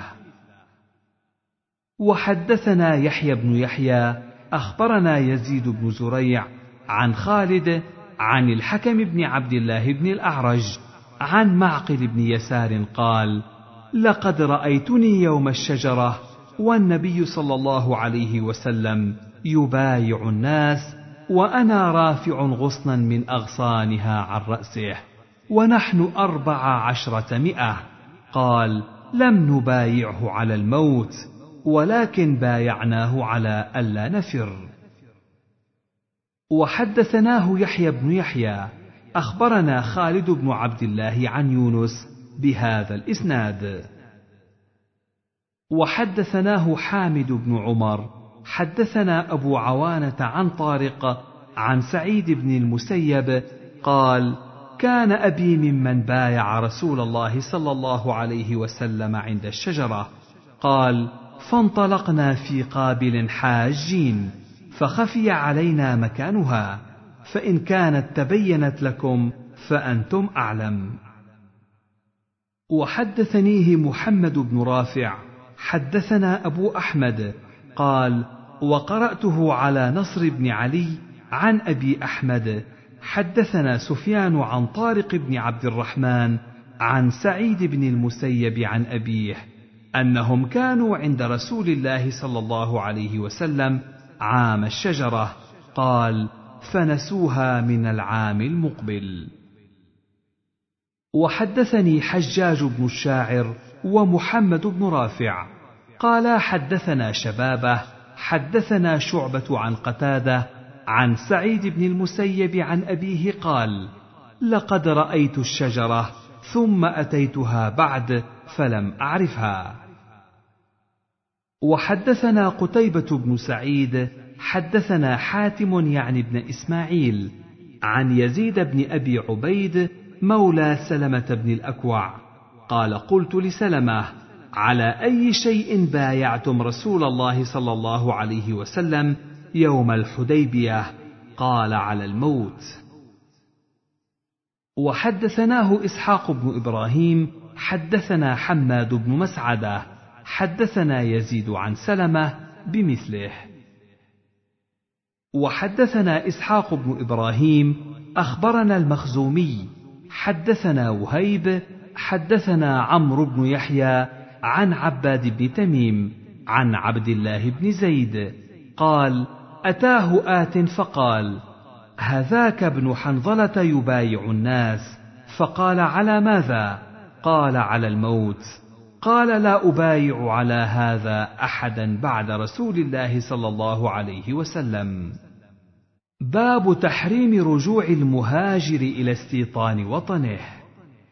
حدثنا قتيبة بن سعيد حدثنا حاتم يعني ابن إسماعيل عن يزيد بن أبي عبيد عن سلمة بن الأكوع أنه دخل على الحجاج فقال يا ابن الأكوع ارتددت على عقبيك تعربت؟ قال لا ولكن رسول الله صلى الله عليه وسلم أذن لي في البدو. باب المبايعة بعد فتح مكة على الإسلام والجهاد والخير. وبيان معنى لا هجرة بعد الفتح. حدثنا محمد بن الصباح أبو جعفر حدثنا إسماعيل بن زكريا عن عاصم الأحول عن أبي عثمان النهدي حدثني مجاشع بن مسعود السلمي قال أتيت النبي صلى الله عليه وسلم أبايعه على الهجرة فقال إن الهجرة قد مضت لأهلها. ولكن على الإسلام والجهاد والخير. وحدثني سويد بن سعيد حدثنا علي بن مسهر عن عاصم عن أبي عثمان قال أخبرني مجاشع بن مسعود السلمي قال جئت بأخي أبي معبد إلى رسول الله صلى الله عليه وسلم بعد الفتح فقلت يا رسول الله بايعه على الهجرة. قال قد مضت الهجرة بأهلها. قلت فبأي شيء تبايعه؟ قال على الإسلام والجهاد والخير. قال أبو عثمان فلقيت أبا معبد فأخبرته بقول مجاشع فقال صدق. حدثنا أبو بكر بن أبي شيبة حدثنا محمد بن فضيل عن عاصم بهذا الإسناد. قال فلقيت أخاه فقال صدق مجاشع ولم يذكر أبا معبد. حدثنا يحيى بن يحيى وإسحاق بن إبراهيم. قال أخبرنا جرير عن منصور عن مجاهد عن طاووس عن ابن عباس قال قال رسول الله صلى الله عليه وسلم يوم الفتح فتح مكة لا هجرة ولكن جهاد ونية وإذا استنفرتم فانفروا. وحدثنا أبو بكر بن أبي شيبة وأبو كريب. قال حدثنا وكيع عن سفيان. حا. وحدثنا إسحاق بن منصور وابن رافع عن يحيى بن آدم. حدثنا مفضل يعني ابن مهلهل. حا. وحدثنا عبد بن حميد. أخبرنا عبيد الله بن موسى عن إسرائيل. كلهم عن منصور. بهذا الإسناد مثله. وحدثنا محمد بن عبد الله بن نمير حدثنا أبي حدثنا عبد الله بن حبيب بن أبي ثابت عن عبد الله بن عبد الرحمن بن أبي حسين عن عطاء عن عائشة قالت سئل رسول الله صلى الله عليه وسلم عن الهجرة فقال لا هجرة بعد الفتح ولكن جهاد ونية وإذا استنفرتم فانفروا. وحدثنا أبو بكر بن خلاد الباهلي حدثنا الوليد بن مسلم حدثنا عبد الرحمن بن عمرو الأوزاعي حدثني ابن شهاب الزهري حدثني عطاء بن يزيد الليثي أنه حدثهم قال حدثني أبو سعيد الخدري أن اعرابيا سأل رسول الله صلى الله عليه وسلم عن الهجرة فقال ويحك إن شأن الهجرة لشديد فهل لك من إبل؟ قال نعم. قال فهل تؤتي صدقتها؟ قال نعم. قال فاعمل من وراء البحار فإن الله لن يترك من عملك شيئا. وحدثناه عبد الله بن عبد الرحمن الدارمي حدثنا محمد بن يوسف عن الأوزاعي بهذا الإسناد مثله. غير أنه قال إن الله لن يترك من عملك شيئا. وزاد في الحديث قال فهل تحلبها يوم وردها؟ قال نعم. باب كيفية بيعة النساء. حدثني أبو الطاهر أحمد بن عمرو بن سرح أخبرنا ابن وهب أخبرني يونس بن يزيد قال قال ابن شهاب أخبرني عروة بن الزبير أن عائشة زوج النبي صلى الله عليه وسلم قالت كانت المؤمنات إذا هاجرن إلى رسول الله صلى الله عليه وسلم يمتحن بقول الله عز وجل يا أيها النبي إذا جاءك المؤمنات يبايعنك يبايعنك على الا يشركن بالله شيئا ولا يسرقن ولا يزنين. إلى آخر الآية. قالت عائشة فمن أقر بهذا من المؤمنات فقد أقر بالمحنة. وكان رسول الله صلى الله عليه وسلم إذا أقررن بذلك من قولهن قال لهن رسول الله صلى الله عليه وسلم انطلقن فقد بايعتكن ولا والله ما مست يد رسول الله صلى الله عليه وسلم يد امرأة قط غير أنه يبايعهن بالكلام.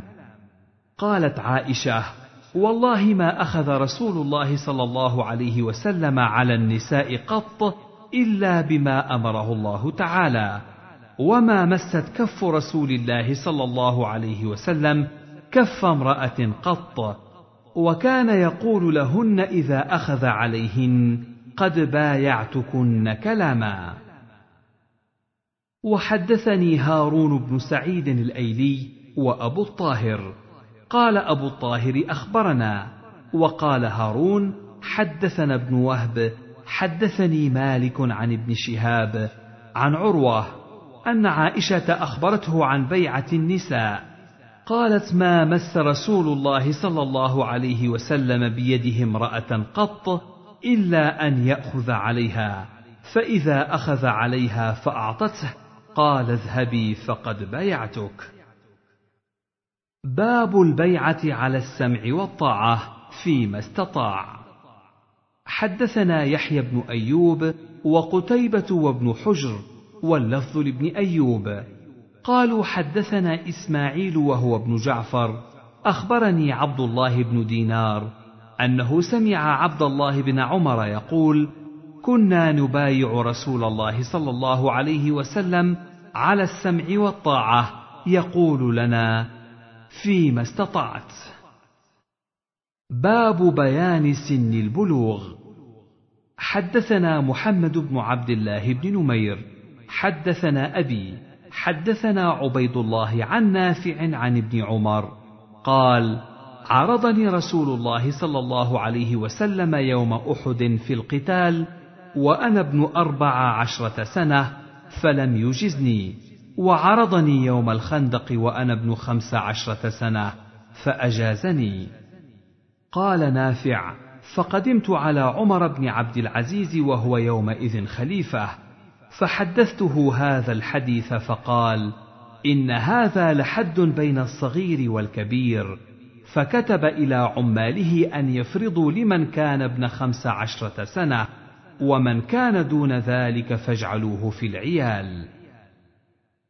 وحدثناه أبو بكر بن أبي شيبة حدثنا عبد الله بن إدريس وعبد الرحيم بن سليمان. حا وحدثنا محمد بن المثنى حدثنا عبد الوهاب يعني الثقفي جميعا عن عبيد الله بهذا الإسناد غير أن في حديثهم وأنا ابن أربع عشرة سنة فاستصغرني. باب النهي أن يسافر بالمصحف إلى أرض الكفار إذا خيف وقوعه بأيديهم.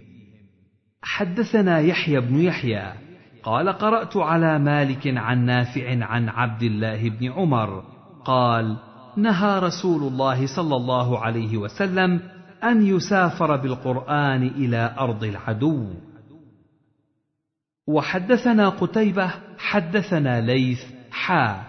وحدثنا ابن رمح أخبرنا الليث عن نافع عن عبد الله بن عمر عن رسول الله صلى الله عليه وسلم أنه كان ينهى أن يسافر بالقرآن إلى أرض العدو مخافة أن يناله العدو. وحدثنا أبو الربيع العتكي وأبو كامل قالا. حدثنا حماد عن أيوب عن نافع عن ابن عمر قال قال رسول الله صلى الله عليه وسلم لا تسافروا بالقرآن فإني لا آمن أن يناله العدو. قال أيوب فقد ناله العدو وخاصموكم به. حدثني زهير بن حرب حدثنا إسماعيل يعني ابن علية حا. وحدثنا ابن أبي عمر حدثنا سفيان والثقفي كلهم عن أيوب. حا وحدثنا ابن رافع حدثنا ابن أبي فديك أخبرنا الضحاك يعني ابن عثمان جميعا عن نافع عن ابن عمر عن النبي صلى الله عليه وسلم. في حديث ابن علية والثقفي فإني أخاف. وفي حديث سفيان وحديث الضحاك بن عثمان مخافة أن يناله العدو. باب المسابقة بين الخيل وتضميرها. حدثنا يحيى بن يحيى التميمي قال قرأت على مالك عن نافع عن ابن عمر أن رسول الله صلى الله عليه وسلم سابق بالخيل التي قد أضمرت من الحفياء وكان أمدها ثنية الوداع. وسابق بين الخيل التي لم تضمر من الثنية إلى مسجد بني زريق وكان ابن عمر في من سابق بها. وحدثنا يحيى بن يحيى ومحمد بن رمح وقتيبة بن سعيد عن الليث بن سعد حا. وحدثنا خلف بن هشام وأبو الربيع وأبو كامل قالوا حدثنا حماد وهو ابن زيد عن أيوب. حا وحدثنا زهير بن حرب حدثنا إسماعيل عن أيوب. حا وحدثنا ابن نمير حدثنا أبي. حا وحدثنا أبو بكر بن أبي شيبة حدثنا أبو أسامة. حا وحدثنا محمد بن المثنى وعبيد الله بن سعيد. قال حدثنا يحيى وهو القطان جميعا عن عبيد الله حا. وحدثني علي بن حجر وأحمد بن عبده وابن أبي عمر. قالوا حدثنا سفيان عن إسماعيل بن أمية حا. وحدثني محمد بن رافع حدثنا عبد الرزاق أخبرنا ابن جريج أخبرني موسى بن عقبة حا. وحدثنا هارون بن سعيد الأيلي حدثنا ابن وهب أخبرني أسامة يعني بن زيد كل هؤلاء عن نافع عن ابن عمر بمعنى حديث مالك عن نافع وزاد في حديث أيوب من رواية حماد وابن علية قال عبد الله فجئت سابقا فطفف بالفرس المسجد. باب الخيل في نواصيها الخير إلى يوم القيامة. حدثنا يحيى بن يحيى قال قرأت على مالك عن نافع عن ابن عمر أن رسول الله صلى الله عليه وسلم قال الخيل في نواصيها الخير إلى يوم القيامة. وحدثنا قتيبة وابن رمح عن الليث بن سعد حا وحدثنا أبو بكر بن أبي شيبة حدثنا علي بن مسهر وعبد الله بن نمير حا.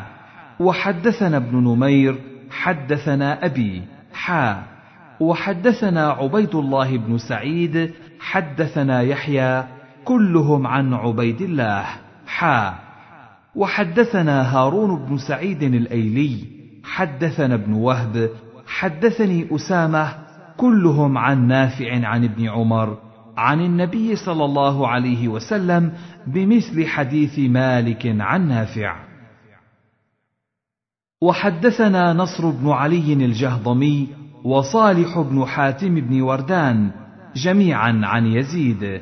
قال الجهضمي حدثنا يزيد بن زريع حدثنا يونس بن عبيد عن عمرو بن سعيد عن أبي زرعة بن عمرو بن جرير عن جرير بن عبد الله قال رأيت رسول الله صلى الله عليه وسلم يلوي ناصية فرس بإصبعه وهو يقول الخيل معقود بنواصيها الخير إلى يوم القيامة الأجر والغنيمة. وحدثني زهير بن حرب حدثنا إسماعيل بن إبراهيم حا وحدثنا أبو بكر بن أبي شيبة حدثنا وكيع عن سفيان كلاهما عن يونس بهذا الإسناد مثله. وحدثنا محمد بن عبد الله بن نمير حدثنا أبي حدثنا زكرياء عن عامر عن عروة البارقي قال قال رسول الله صلى الله عليه وسلم الخيل معقود في نواصيها الخير إلى يوم القيامة الأجر والمغنم. وحدثنا أبو بكر بن أبي شيبة حدثنا ابن فضيل وابن إدريس عن حسين عن الشعبي عن عروة البارقي قال قال رسول الله صلى الله عليه وسلم الخير معقوص بنواصي الخيل. قال فقيل له يا رسول الله بم ذاك؟ قال الأجر والمغنم إلى يوم القيامة. وحدثناه إسحاق بن إبراهيم أخبرنا جرير عن حسين بهذا الإسناد غير أنه قال عروة بن الجعد. حدثنا يحيى بن يحيى وخلف بن هشام وأبو بكر بن أبي شيبة. جميعا عن أبي الأحوص حا وحدثنا إسحاق بن إبراهيم وابن أبي عمر كلاهما عن سفيان جميعا عن شبيب بن غرقدة عن عروة البارقي عن النبي صلى الله عليه وسلم ولم يذكر الأجر والمغنم. وفي حديث سفيان سمع عروة البارقي سمع النبي صلى الله عليه وسلم.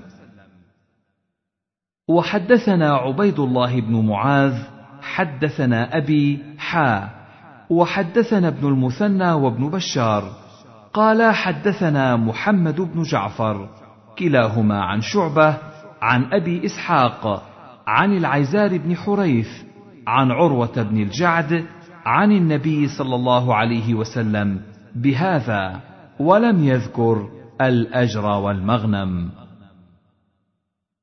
وحدثنا عبيد الله بن معاذ حدثنا أبي حا وحدثنا محمد بن المثنى وابن بشار.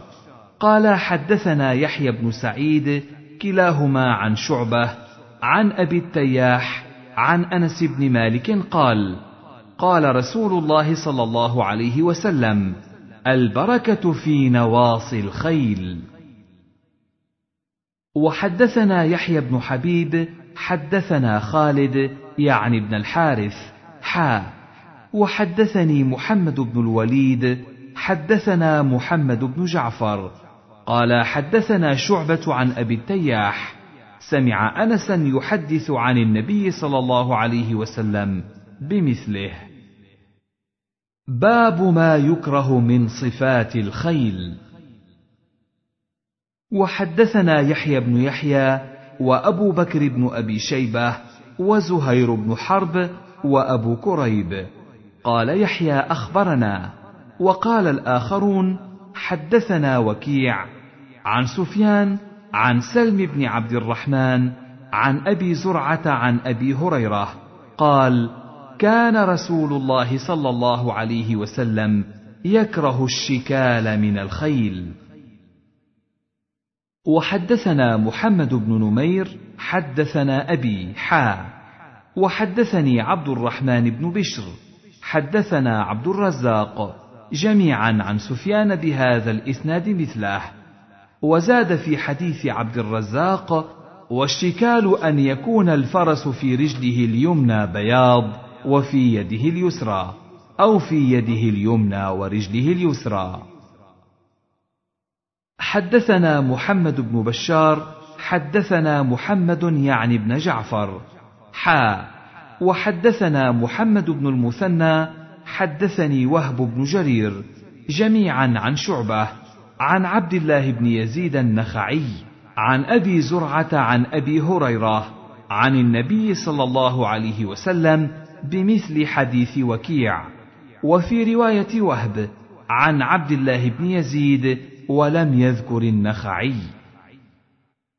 باب فضل الجهاد والخروج في سبيل الله. وحدثني زهير بن حرب حدثنا جرير عن عمارة وهو ابن القعقاع. عن أبي زرعة عن أبي هريرة قال قال رسول الله صلى الله عليه وسلم تضمن الله لمن خرج في سبيله.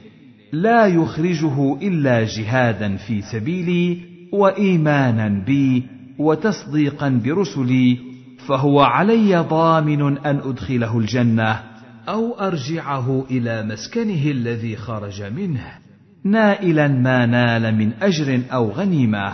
والذي نفس محمد بيده ما من كلم يكلم في سبيل الله. إلا جاء يوم القيامة كهيئته حين كلم. لونه لون دم وريحه مسك. والذي نفس محمد بيده. لولا أن يشق على المسلمين ما قعدت خلاف سرية تغزو في سبيل الله أبدا. ولكن لا أجد سعه فأحملهم ولا يجدون سعة ويشق عليهم أن يتخلفوا عني.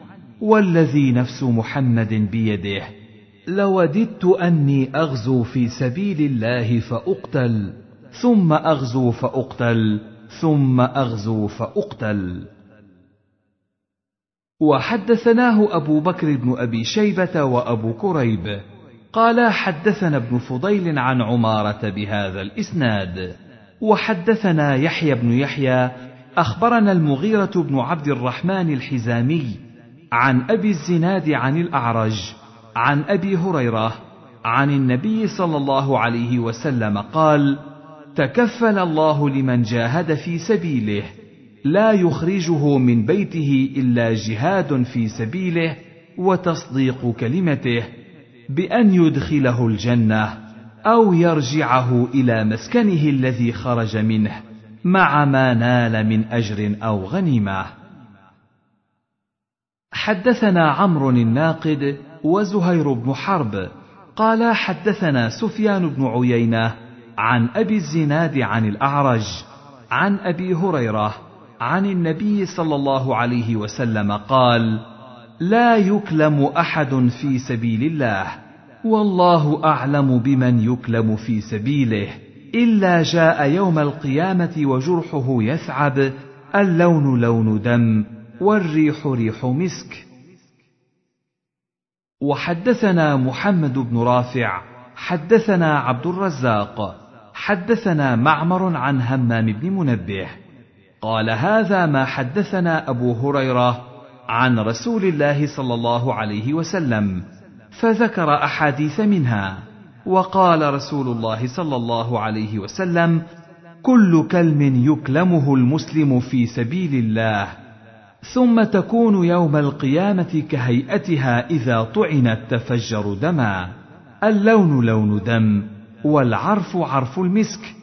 وقال رسول الله صلى الله عليه وسلم والذي نفس محمد في يده لولا أن أشق على المؤمنين ما قعدت خلف سرية تغزو في سبيل الله ولكن لا أجد سعه فأحملهم ولا يجدون سعة فيتبعوني ولا تطيب أنفسهم أن يقعدوا بعدي.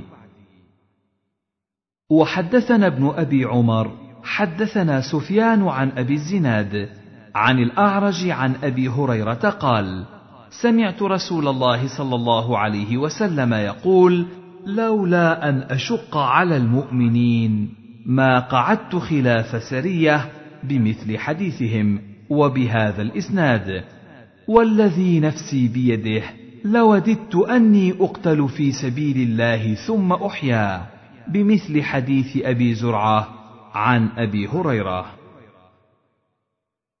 وحدثنا محمد بن المثنى حدثنا عبد الوهاب يعني الثقفي حا. وحدثنا أبو بكر بن أبي شيبة حدثنا أبو معاوية حا. وحدثنا ابن أبي عمر حدثنا مروان بن معاوية كلهم عن يحيى بن سعيد عن أبي صالح عن أبي هريرة قال قال رسول الله صلى الله عليه وسلم لولا أن أشق على أمتي لأحببت الا أتخلف خلف سرية نحو حديثهم. حدثني زهير بن حرب حدثنا جرير عن سهيل عن أبيه عن أبي هريرة قال قال رسول الله صلى الله عليه وسلم تضمن الله لمن خرج في سبيله إلى قوله ما تخلفت خلاف سرية تغزو في سبيل الله تعالى. باب فضل الشهادة في سبيل الله تعالى.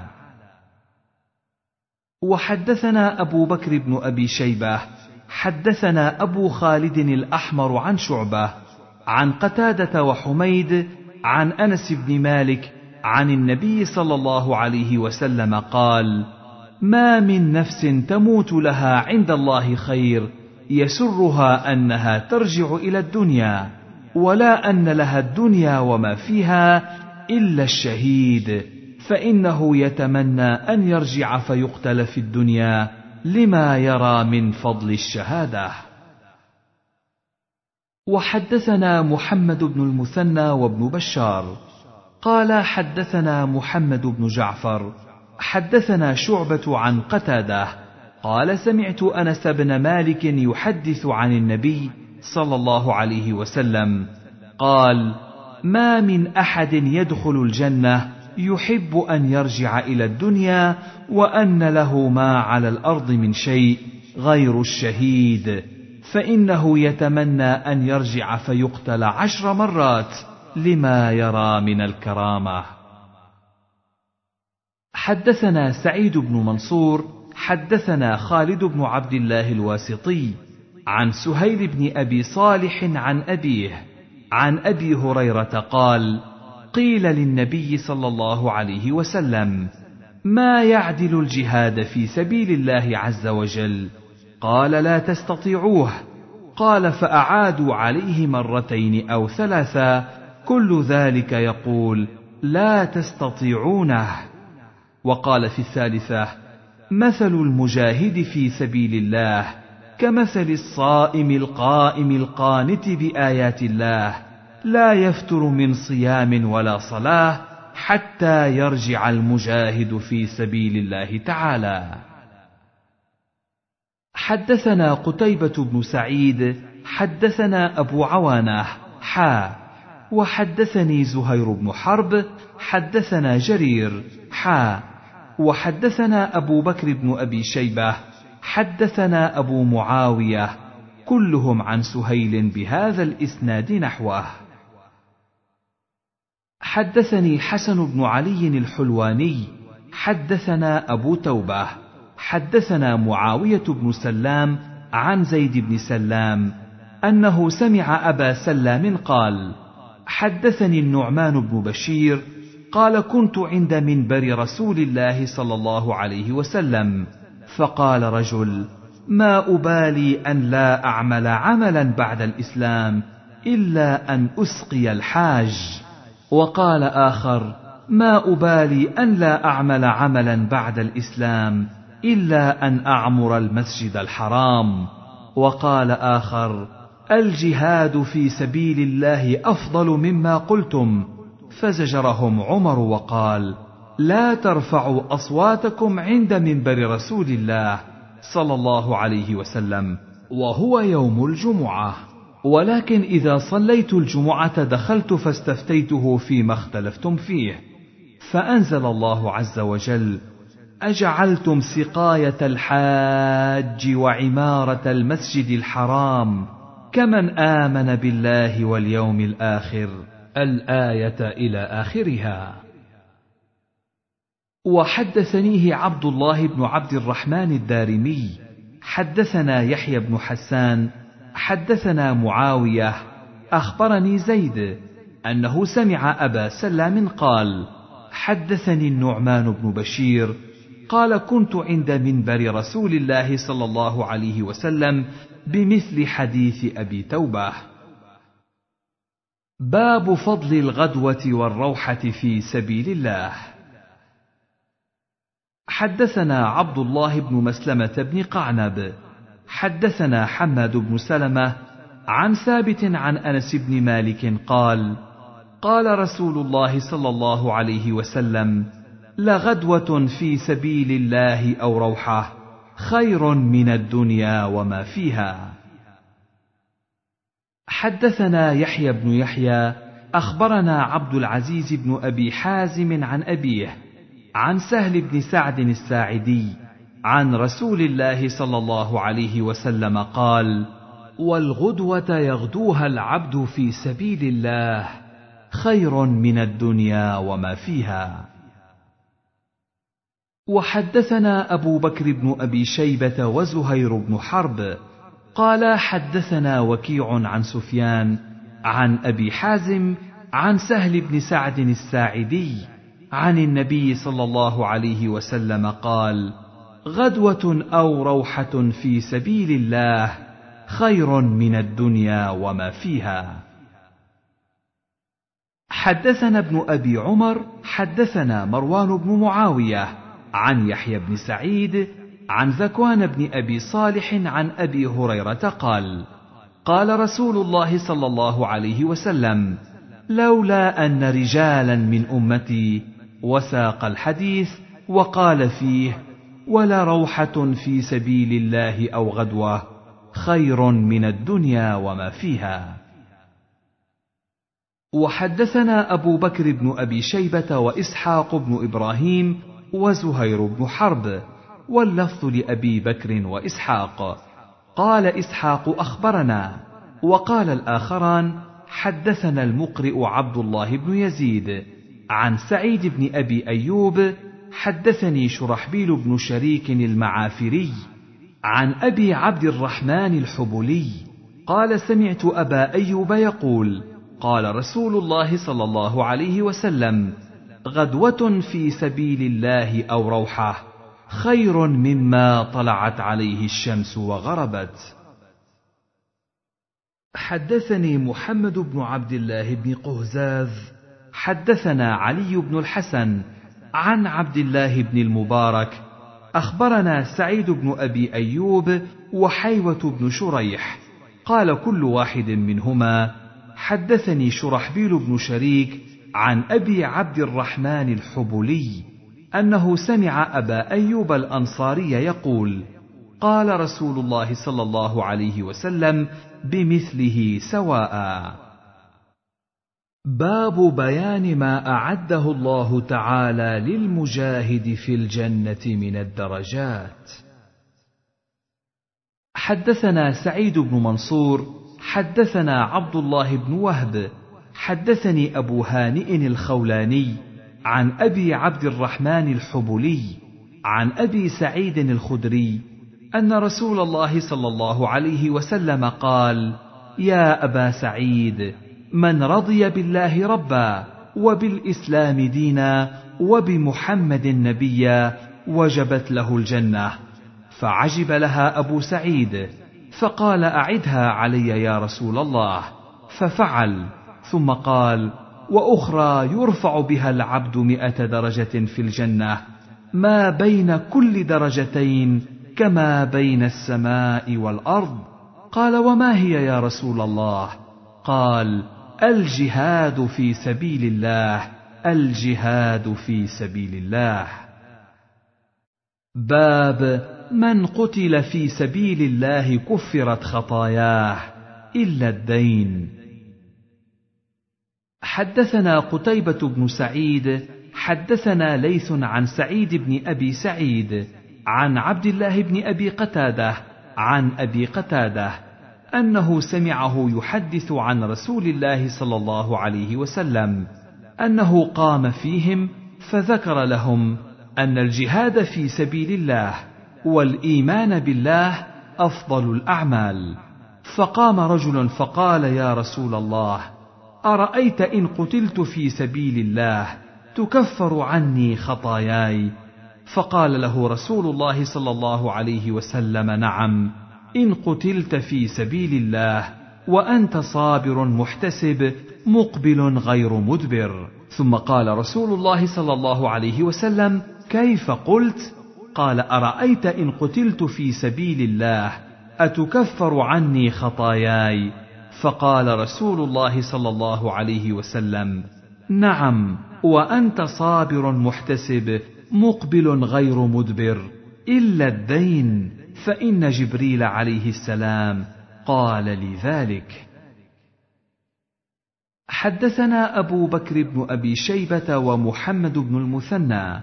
قال حدثنا يزيد بن هارون أخبرنا يحيى يعني بن سعيد. عن سعيد بن أبي سعيد المقبوري. عن عبد الله بن أبي قتادة عن أبيه قال جاء رجل إلى رسول الله صلى الله عليه وسلم فقال أرأيت إن قتلت في سبيل الله بمعنى حديث الليث؟ وحدثنا سعيد بن منصور حدثنا سفيان عن عمرو بن دينار عن محمد بن قيس حا. قال وحدثنا محمد بن عجلان عن محمد بن قيس عن عبد الله بن أبي قتادة عن أبيه عن النبي صلى الله عليه وسلم يزيد أحدهما على صاحبه أن رجلا أتى النبي صلى الله عليه وسلم وهو على المنبر فقال أرأيت إن ضربت بسيفي بمعنى حديث المقبوري. حدثنا زكريا بن يحيى بن صالح المصري حدثنا المفضل يعني ابن فضالة عن عياش وهو ابن عباس القتباني عن عبد الله بن يزيد أبي عبد الرحمن الحبلي عن عبد الله بن عمرو بن العاص أن رسول الله صلى الله عليه وسلم قال يغفر للشهيد كل ذنب إلا الدين. وحدثني زهير بن حرب حدثنا عبد الله بن يزيد المقرئ حدثنا سعيد بن أبي أيوب حدثني عياش بن عباس القتباني عن أبي عبد الرحمن الحبلي عن عبد الله بن عمرو بن العاص أن النبي صلى الله عليه وسلم قال القتل في سبيل الله يكفر كل شيء إلا الدين. باب بيان أن أرواح الشهداء في الجنة وأنهم أحياء عند ربهم يرزقون.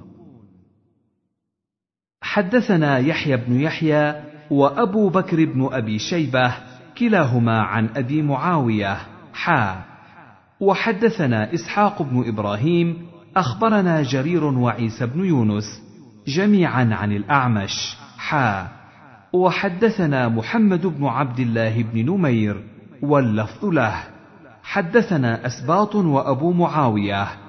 قال حدثنا الأعمش عن عبد الله بن مرة عن مسروق. قال سألنا عبد الله هو ابن مسعود عن هذه الآية. ولا تحسبن الذين قتلوا في سبيل الله أمواتا بل أحياء عند ربهم يرزقون. قال أما إنا قد سألنا عن ذلك فقال أرواحهم في جوف طير خضر لها قناديل معلقة بالعرش. تسرح من الجنة حيث شاءت ثم تأوي إلى تلك القناديل. فاطلع إليهم ربهم اطلاعه فقال هل تشتهون شيئا؟ قالوا أي شيء نشتهي؟ ونحن نسرح من الجنة حيث شئنا. ففعل ذلك بهم ثلاث مرات. فلما رأوا أنهم لن يتركوا من أن يسألوا قالوا يا رب! نريد أن ترد أرواحنا في أجسادنا حتى نقتل في سبيلك مرة أخرى. فلما رأى أن ليس لهم حاجة تركوا.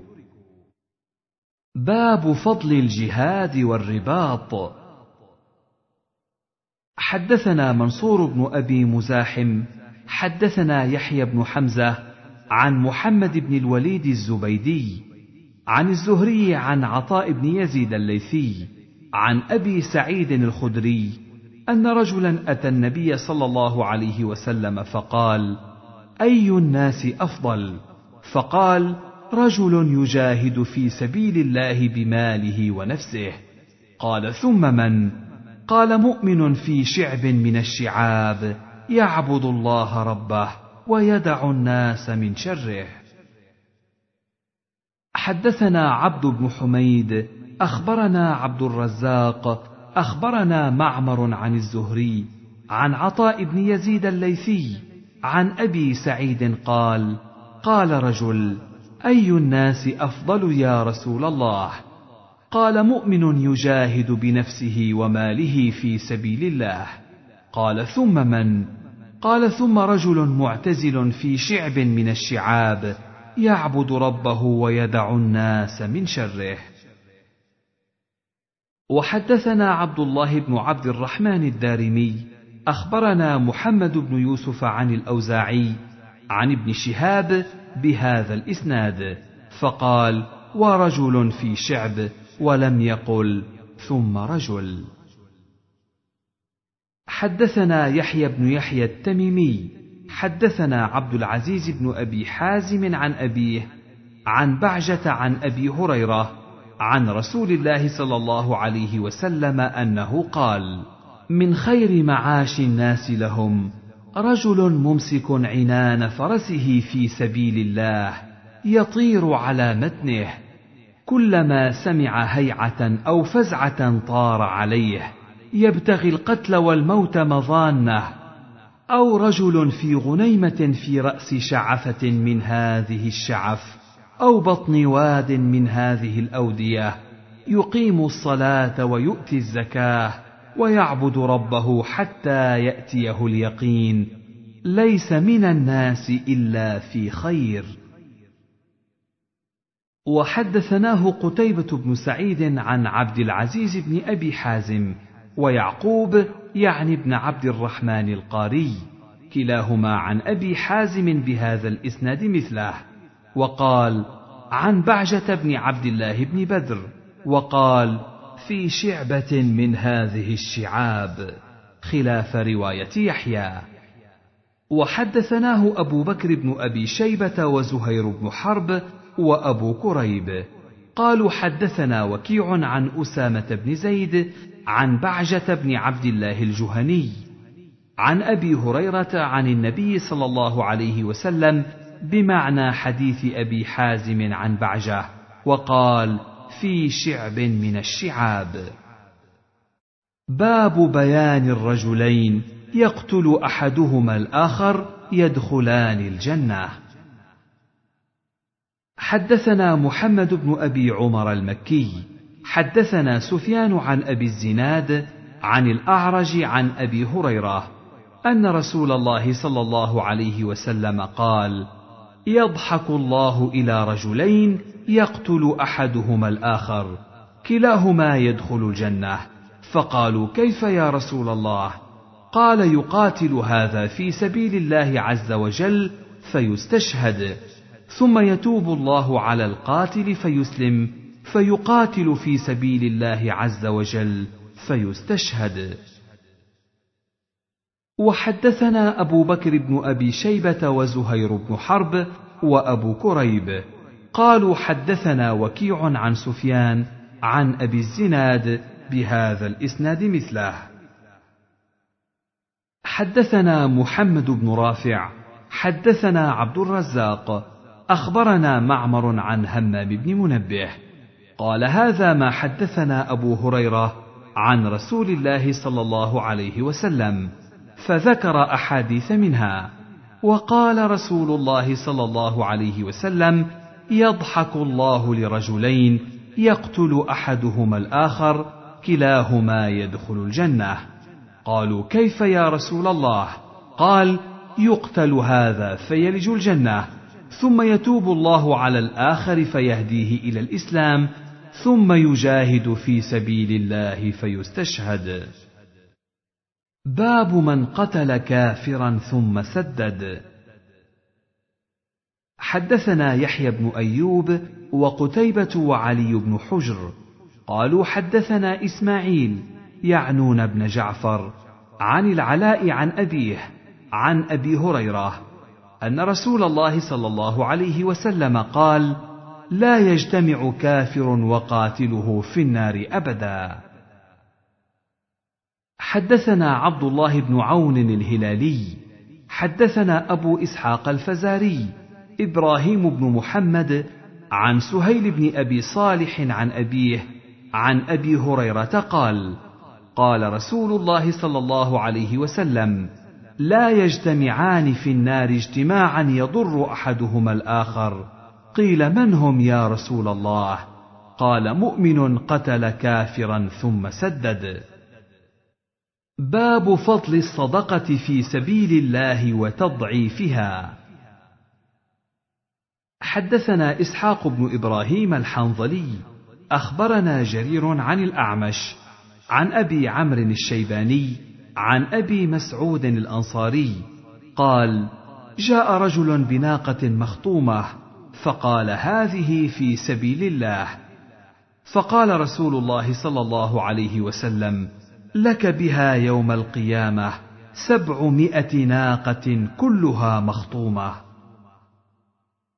حدثنا أبو بكر بن أبي شيبة حدثنا أبو أسامة عن زائدة حا وحدثني بشر بن خالد حدثنا محمد يعني بن جعفر حدثنا شعبة كلاهما عن الأعمش بهذا الإسناد.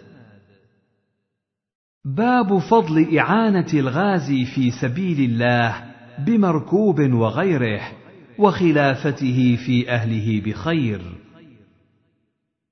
وحدثنا أبو بكر بن أبي شيبة وأبو كريب وابن أبي عمر واللفظ لأبي كريب.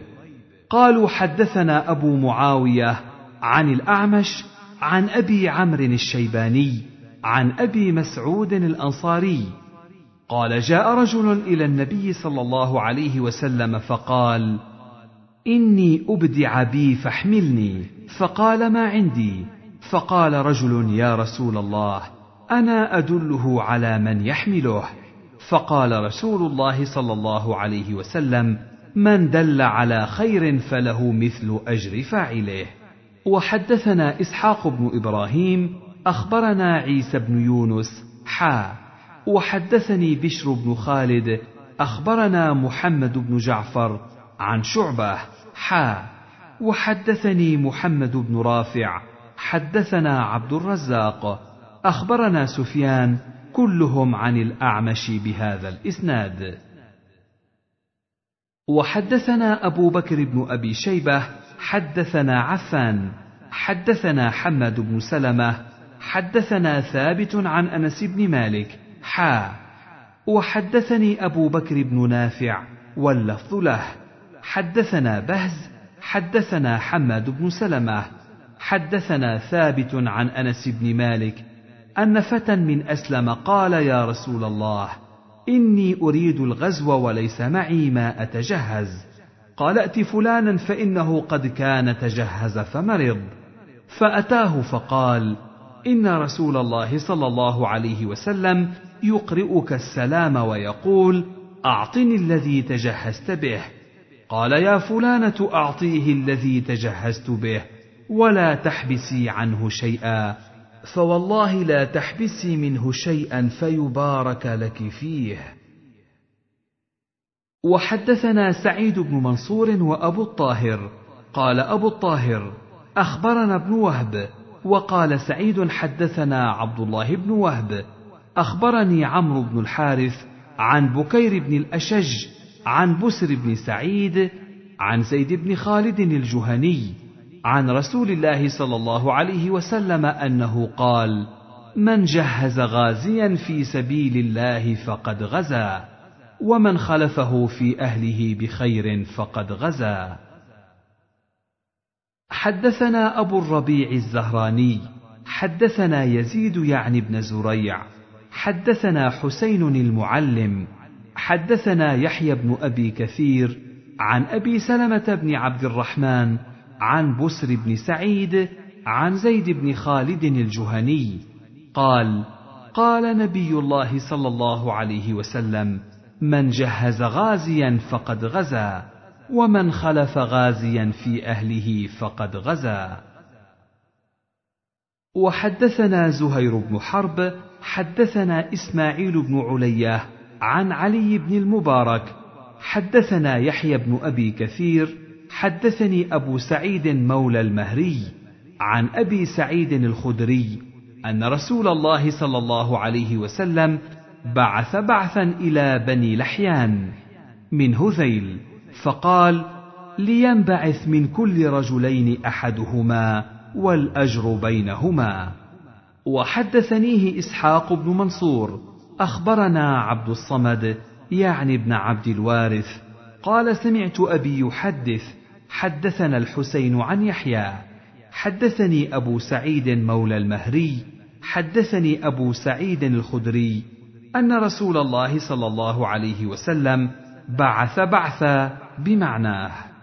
وحدثني إسحاق بن منصور أخبرنا عبيد الله يعني ابن موسى عن شيبان عن يحيى بهذا الإسناد مثله. وحدثنا سعيد بن منصور حدثنا عبد الله بن وهب أخبرني عمرو بن الحارث عن يزيد بن أبي حبيب عن يزيد بن أبي سعيد مولى المهري عن أبيه عن أبي سعيد الخدري أن رسول الله صلى الله عليه وسلم بعث إلى بني لحيان ليخرج من كل رجلين رجل ثم قال للقاعد أيكم خلف الخارج في أهله وماله بخير كان له مثل نصف أجر الخارج. باب حرمة نساء المجاهدين وإثم من خانهم فيهن. حدثنا أبو بكر بن أبي شيبة حدثنا وكيع عن سفيان عن علقمة بن مرثد عن سليمان بن بريدة عن أبيه قال قال رسول الله صلى الله عليه وسلم حرمة نساء المجاهدين على القاعدين كحرمة أمهاتهم. وما من رجل من القاعدين يخلف رجلا من المجاهدين في أهله فيخونه فيهم إلا وقف له يوم القيامة فيأخذ من عمله ما شاء فما ظنكم؟ وحدثني محمد بن رافع حدثنا يحيى بن آدم حدثنا مسعر عن علقمة بن مرثد عن ابن بريدة عن أبيه قال قال يعني النبي صلى الله عليه وسلم بمعنى حديث الثوري.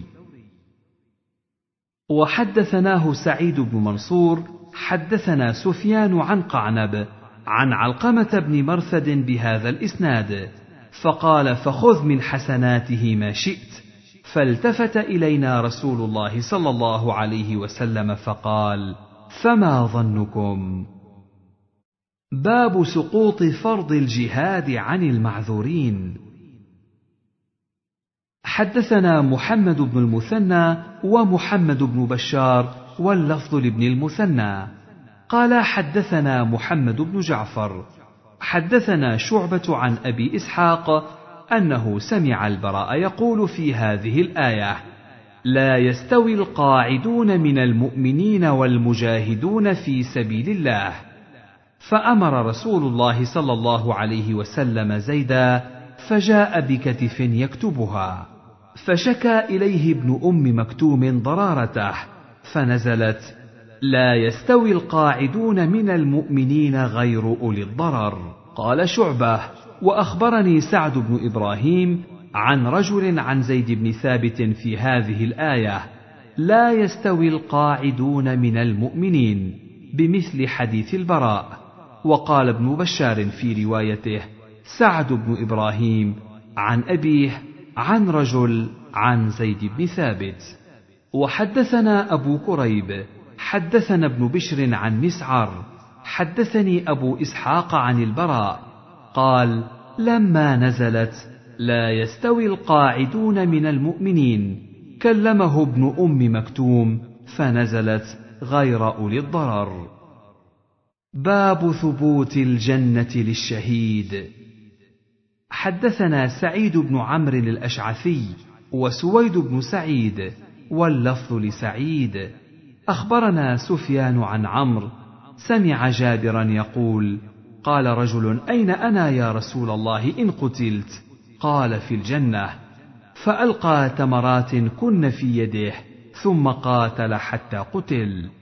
وفي حديث سويد قال رجل للنبي صلى الله عليه وسلم يوم أحد حدثنا أبو بكر بن أبي شيبة حدثنا أبو أسامة عن زكريا عن أبي إسحاق عن البراء قال جاء رجل من بني النبيت إلى النبي صلى الله عليه وسلم حا وحدثنا أحمد بن جناب المصيصي حدثنا عيسى يعني ابن يونس عن زكريا عن أبي إسحاق عن البراء قال جاء رجل من بني النبيت قبيل من الأنصار فقال أشهد أن لا إله إلا الله وأنك عبده ورسوله.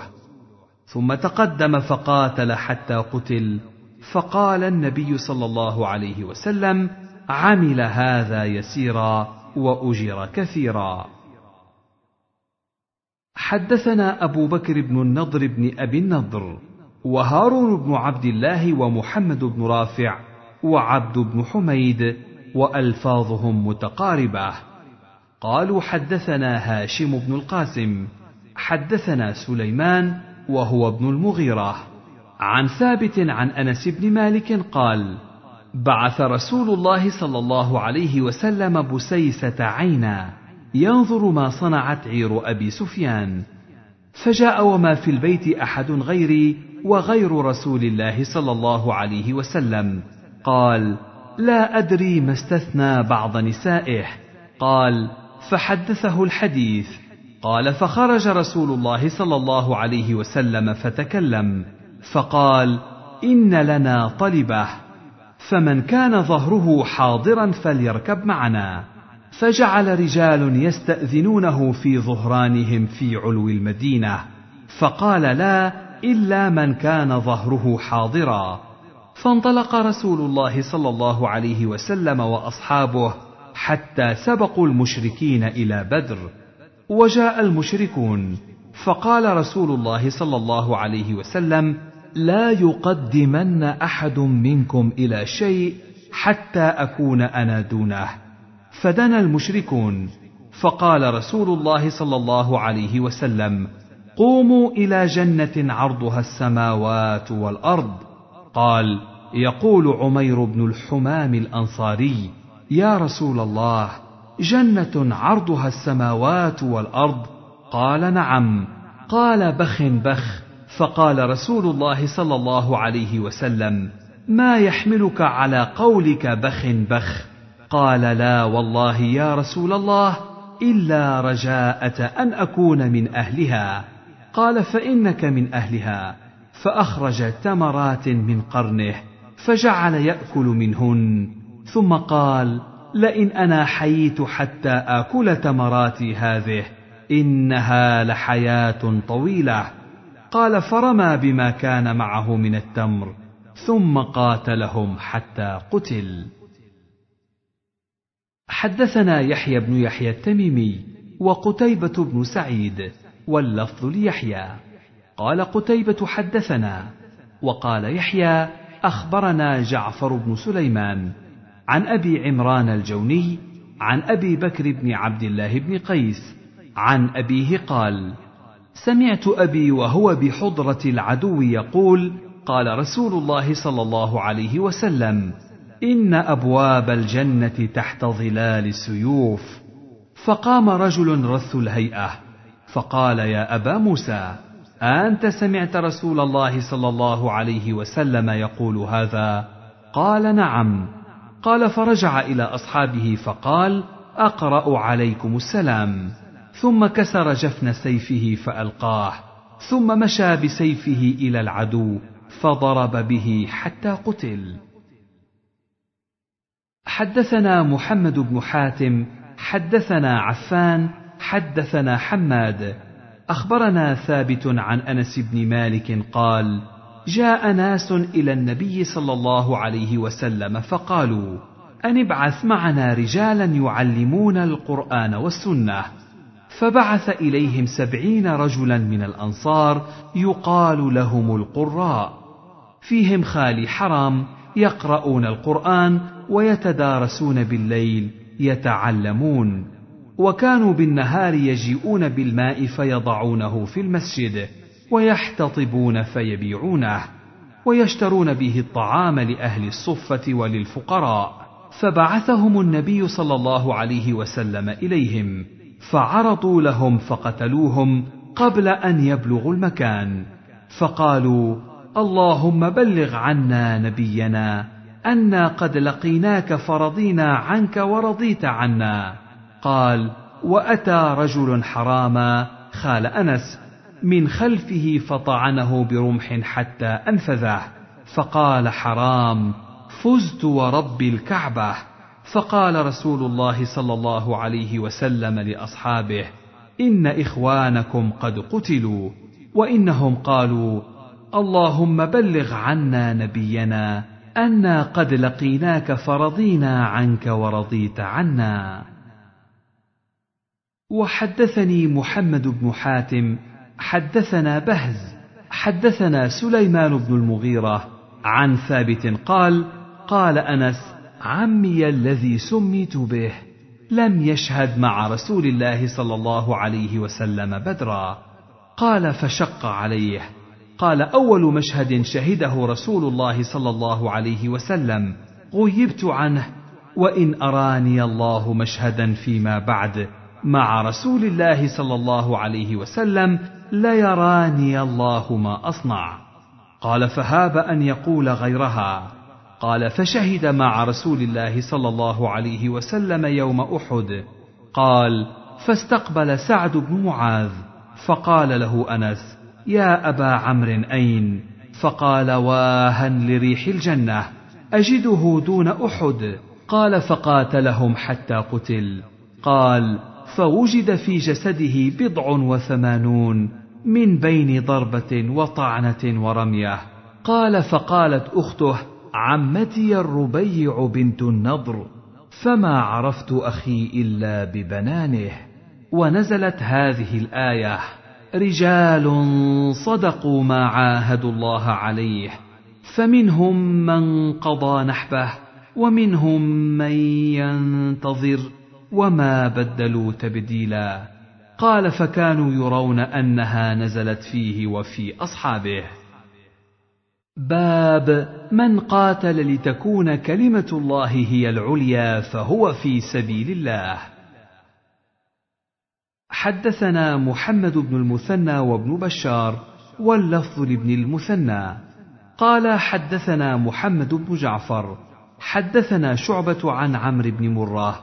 قال سمعت أبا وائل قال حدثنا أبو موسى الأشعري أن رجلا اعرابيا أتى النبي صلى الله عليه وسلم فقال يا رسول الله الرجل يقاتل للمغنم والرجل يقاتل ليذكر.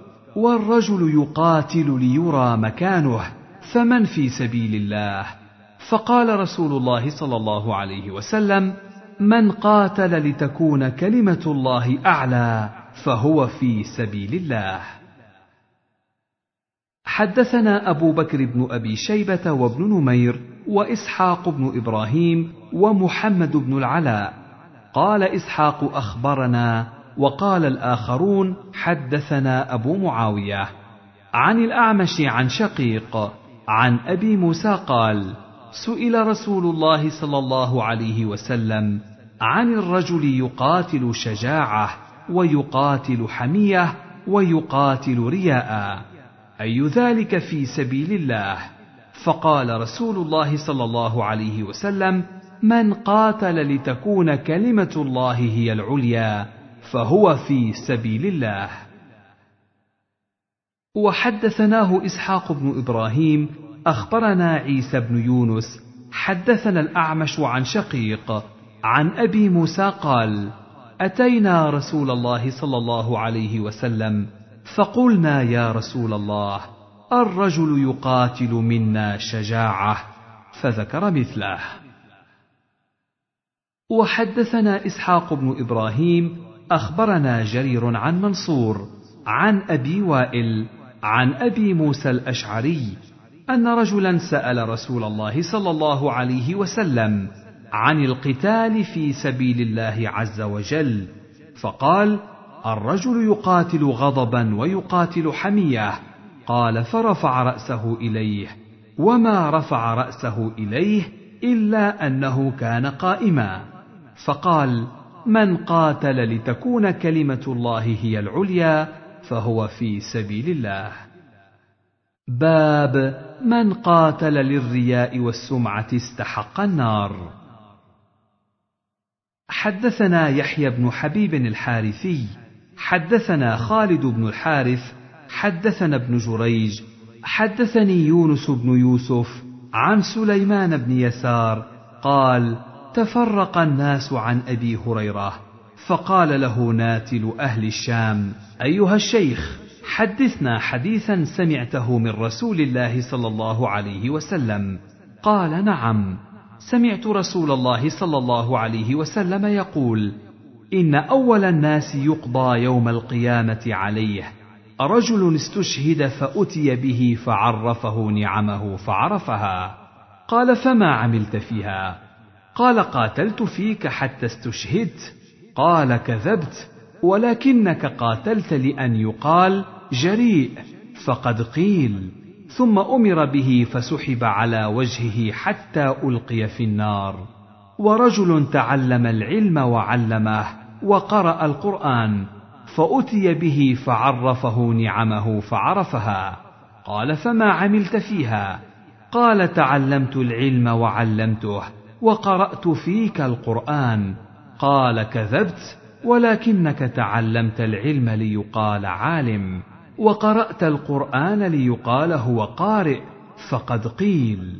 ثم أمر به فسحب على وجهه حتى ألقي في النار. ورجل وسع الله عليه وأعطاه من أصناف المال كله.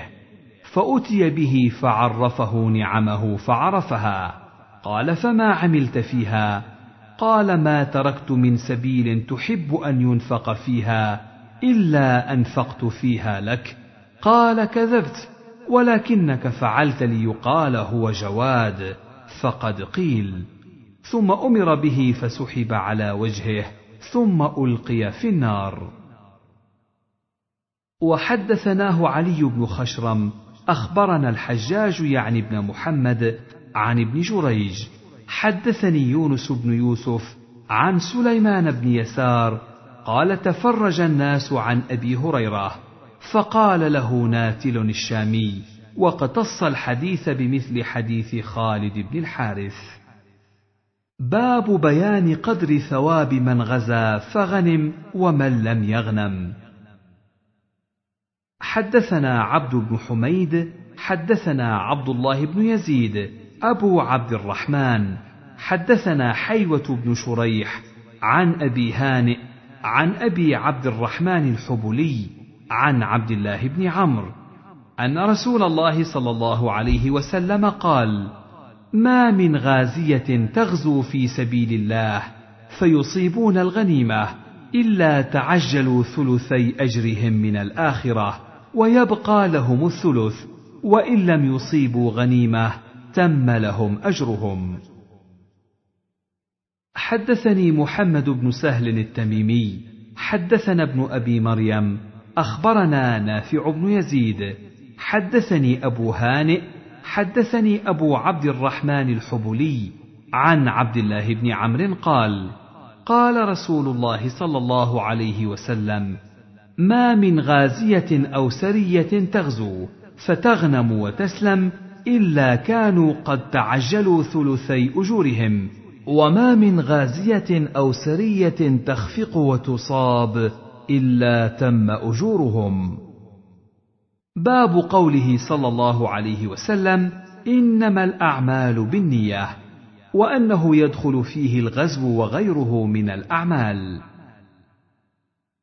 حدثنا عبد الله بن مسلمة بن قعنب حدثنا مالك عن يحيى بن سعيد عن محمد بن إبراهيم عن علقمة بن وقاص عن عمر بن الخطاب قال قال رسول الله صلى الله عليه وسلم إنما الأعمال بالنية وإنما لامرئ ما نوى فمن كانت هجرته إلى الله ورسوله فهجرته إلى الله ورسوله ومن كانت هجرته لدنيا يصيبها أو امرأة يتزوجها فهجرته إلى ما هاجر إليه.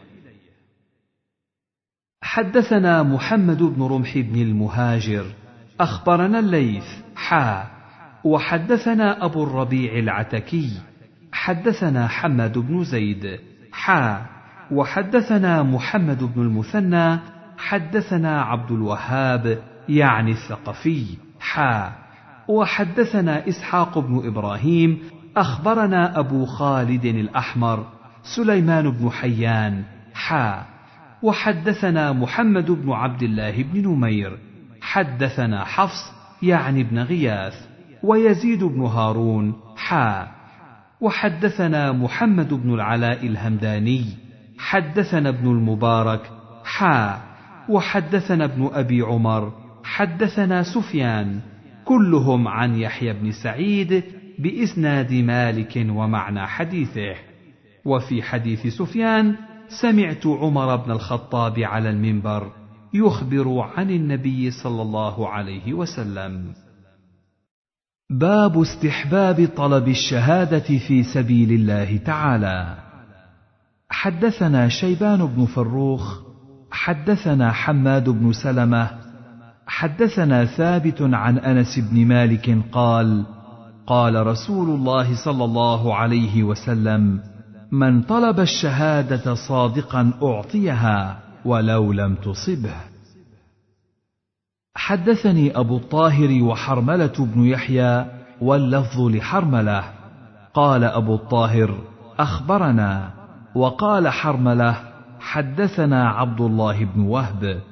حدثني أبو شريح أن سهل بن أبي أمامة بن سهل بن حنيف حدثه عن أبيه عن جده أن النبي صلى الله عليه وسلم قال من سأل الله الشهادة بصدق بلغه الله منازل الشهداء وإن مات على فراشه ولم يذكر أبو الطاهر في حديثه بصدق. باب ذم من مات ولم يغزو ولم يحدث نفسه بالغزو. حدثنا محمد بن عبد الرحمن بن سهم الأنطاكي أخبرنا عبد الله بن المبارك عن وهيب المكي عن عمر بن محمد بن المنكدر عن سمي عن أبي صالح عن أبي هريرة قال قال رسول الله صلى الله عليه وسلم من مات ولم يغزو ولم يحدث به نفسه مات على شعبة من نفاق. قال ابن سهم قال عبد الله بن المبارك فنرى أن ذلك كان على عهد رسول الله صلى الله عليه وسلم. باب ثواب من حبسه عن الغزو مرض أو عذر آخر. حدثنا عثمان بن أبي شيبة حدثنا جرير عن الأعمش عن أبي سفيان عن جابر قال كنا مع النبي صلى الله عليه وسلم في غزاة فقال إن بالمدينة لرجالا ما سرتم مسيرا ولا قطعتم واديا إلا كانوا معكم حبسهم المرض.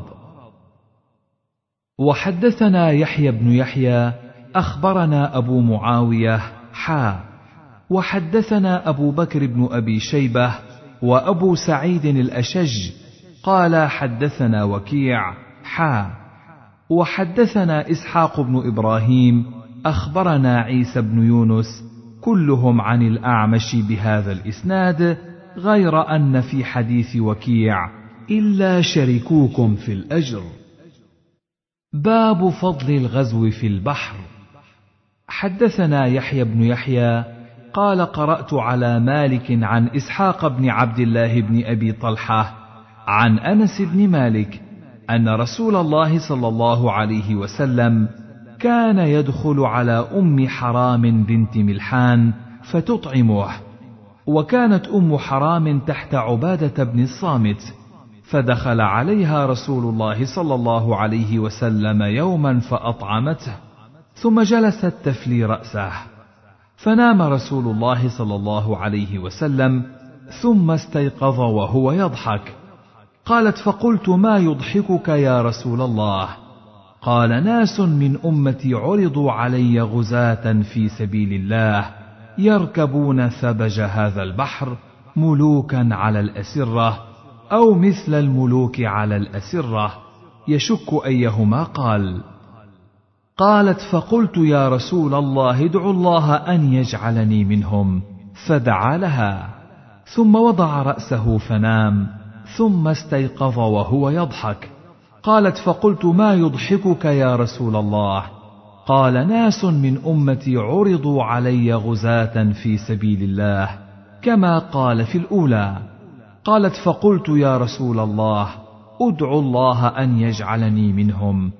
قال أنت من الأولين. فركبت أم حرام بنت ملحان البحر في زمن معاوية فصرعت عن دابتها حين خرجت من البحر فهلكت.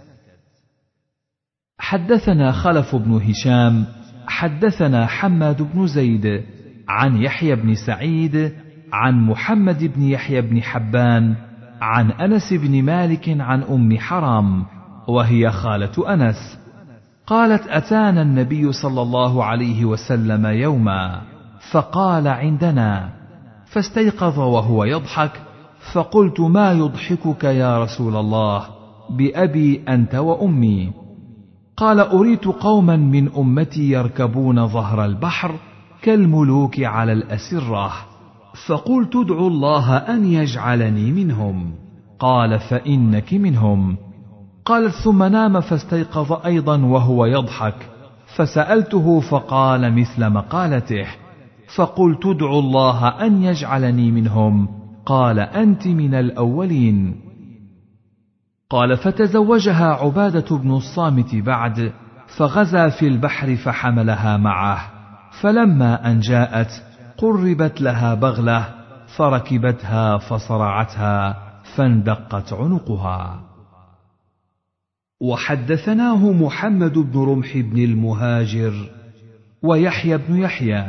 قال أخبرنا الليث عن يحيى بن سعيد عن ابن حبان عن أنس بن مالك عن خالته أم حرام بنت ملحان أنها قالت نام رسول الله صلى الله عليه وسلم يوما قريبا مني ثم استيقظ يتبسم.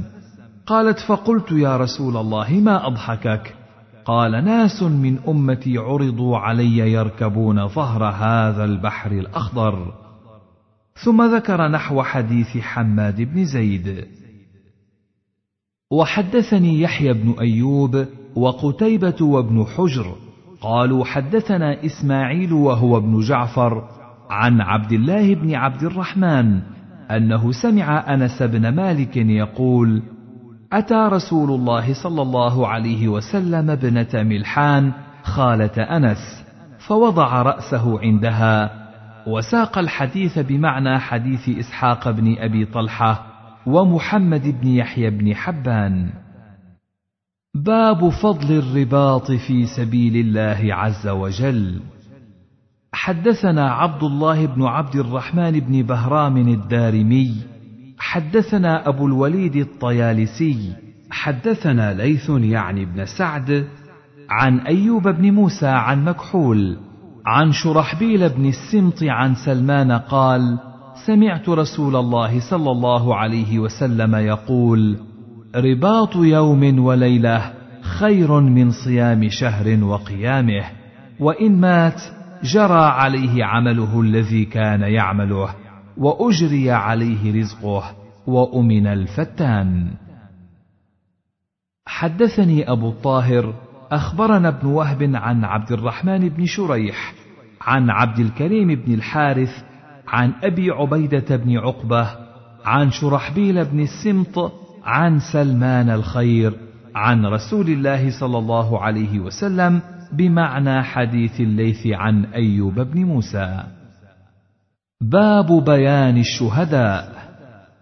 حدثنا يحيى بن يحيى قال قرأت على مالك عن سمي عن أبي صالح عن أبي هريرة أن رسول الله صلى الله عليه وسلم قال بينما رجل يمشي بطريق وجد غصن شوك على الطريق فأخره فشكر الله له فغفر له وقال الشهداء خمسة.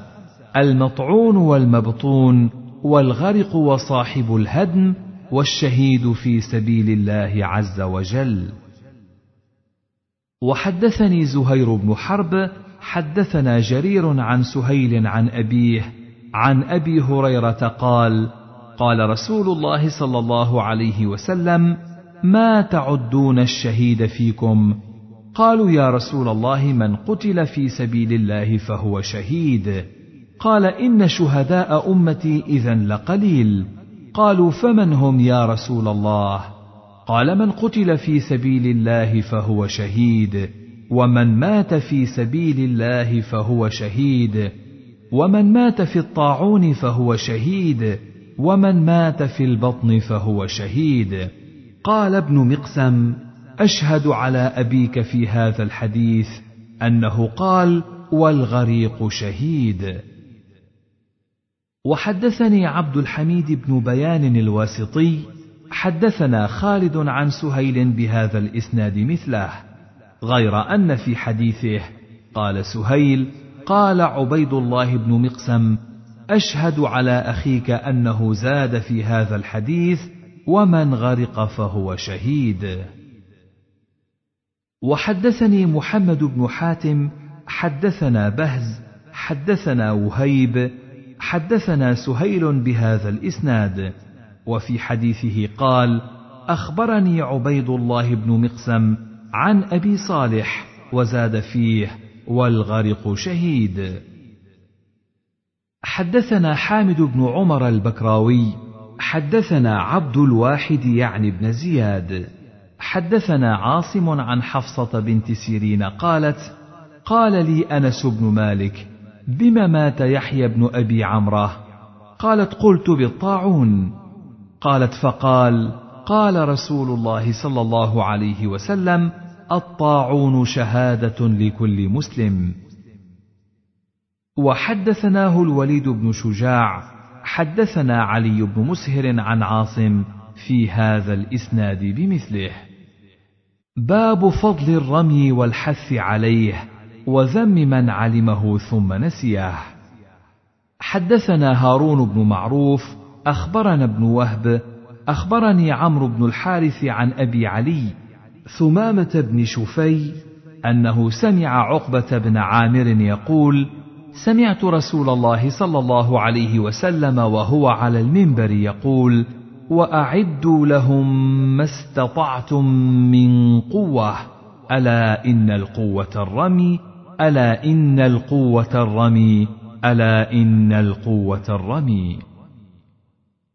وحدثنا هارون بن معروف حدثنا ابن وهب أخبرني عمرو بن الحارث عن أبي علي عن عقبة بن عامر قال سمعت رسول الله صلى الله عليه وسلم يقول ستفتح عليكم أرضون ويكفيكم الله فلا يعجز أحدكم أن يلهو بأسهمه. وحدثناه داود بن رشيد حدثنا الوليد عن بكر بن مضر عن عمرو بن الحارث عن أبي علي الهمداني قال سمعت عقبة بن عامر عن النبي صلى الله عليه وسلم بمثله.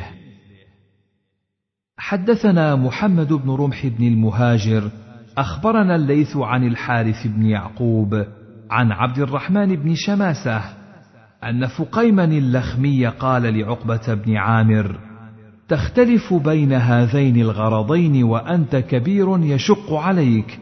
قال عقبة لولا كلام سمعته من رسول الله صلى الله عليه وسلم لم أعانيه.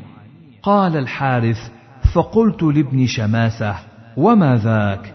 قال إنه قال من علم الرمي ثم تركه فليس منا أو قد عصى. باب قوله صلى الله عليه وسلم لا تزال طائفة من أمتي ظاهرين على الحق لا يضرهم من خالفهم.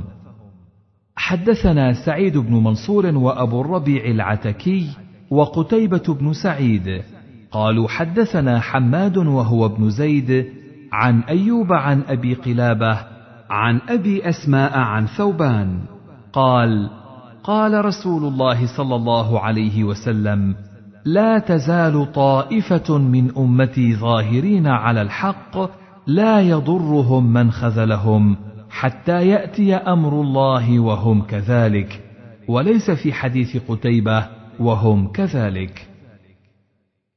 وحدثنا أبو بكر بن أبي شيبة حدثنا وكيع حا وحدثنا ابن نمير حدثنا وكيع وعبده كلاهما عن إسماعيل بن أبي خالد. حا. وحدثنا ابن أبي عمر واللفظ له. حدثنا مروان يعني الفزاري عن إسماعيل عن قيس عن المغيرة. قال سمعت رسول الله صلى الله عليه وسلم يقول لن يزال قوم من أمتي ظاهرين على الناس حتى يأتيهم أمر الله وهم ظاهرون. وحدثنيه محمد بن رافع. حدثنا أبو أسامة. حدثني إسماعيل عن قيس قال سمعت المغيرة بن شعبة يقول سمعت رسول الله صلى الله عليه وسلم يقول بمثل حديث مروان سواء. وحدثنا محمد بن المثنى ومحمد بن بشار.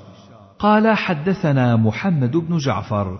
حدثنا شعبة عن سماك بن حرب عن جابر بن سمرة عن النبي صلى الله عليه وسلم أنه قال: لن يبرح هذا الدين قائما يقاتل عليه عصابة من المسلمين حتى تقوم الساعة.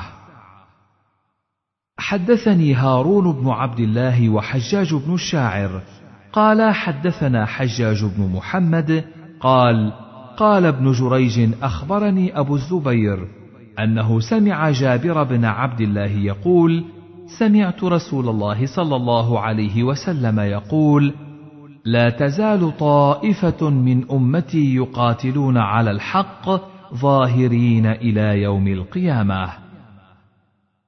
حدثنا منصور بن أبي مزاحم حدثنا يحيى بن حمزة عن عبد الرحمن بن يزيد بن جابر أن عمير بن هانئ حدثه قال سمعت معاوية على المنبر يقول سمعت رسول الله صلى الله عليه وسلم يقول لا تزال طائفة من أمتي قائمة بأمر الله لا يضرهم من خذلهم أو خالفهم حتى يأتي أمر الله وهم ظاهرون على الناس. وحدثني إسحاق بن منصور أخبرنا كثير بن هشام حدثنا جعفر وهو ابن برقان حدثنا يزيد بن الأصم. قال سمعت معاوية بن أبي سفيان ذكر حديثا رواه عن النبي صلى الله عليه وسلم لم أسمعه روى عن النبي صلى الله عليه وسلم على منبره حديثا غيره. قال قال رسول الله صلى الله عليه وسلم من يرد الله به خيرا يفقهه في الدين. ولا تزال عصابة من المسلمين يقاتلون على الحق ظاهرين على من ناوأهم إلى يوم القيامة. حدثني أحمد بن عبد الرحمن بن وهب. حدثنا عمي عبد الله بن وهب.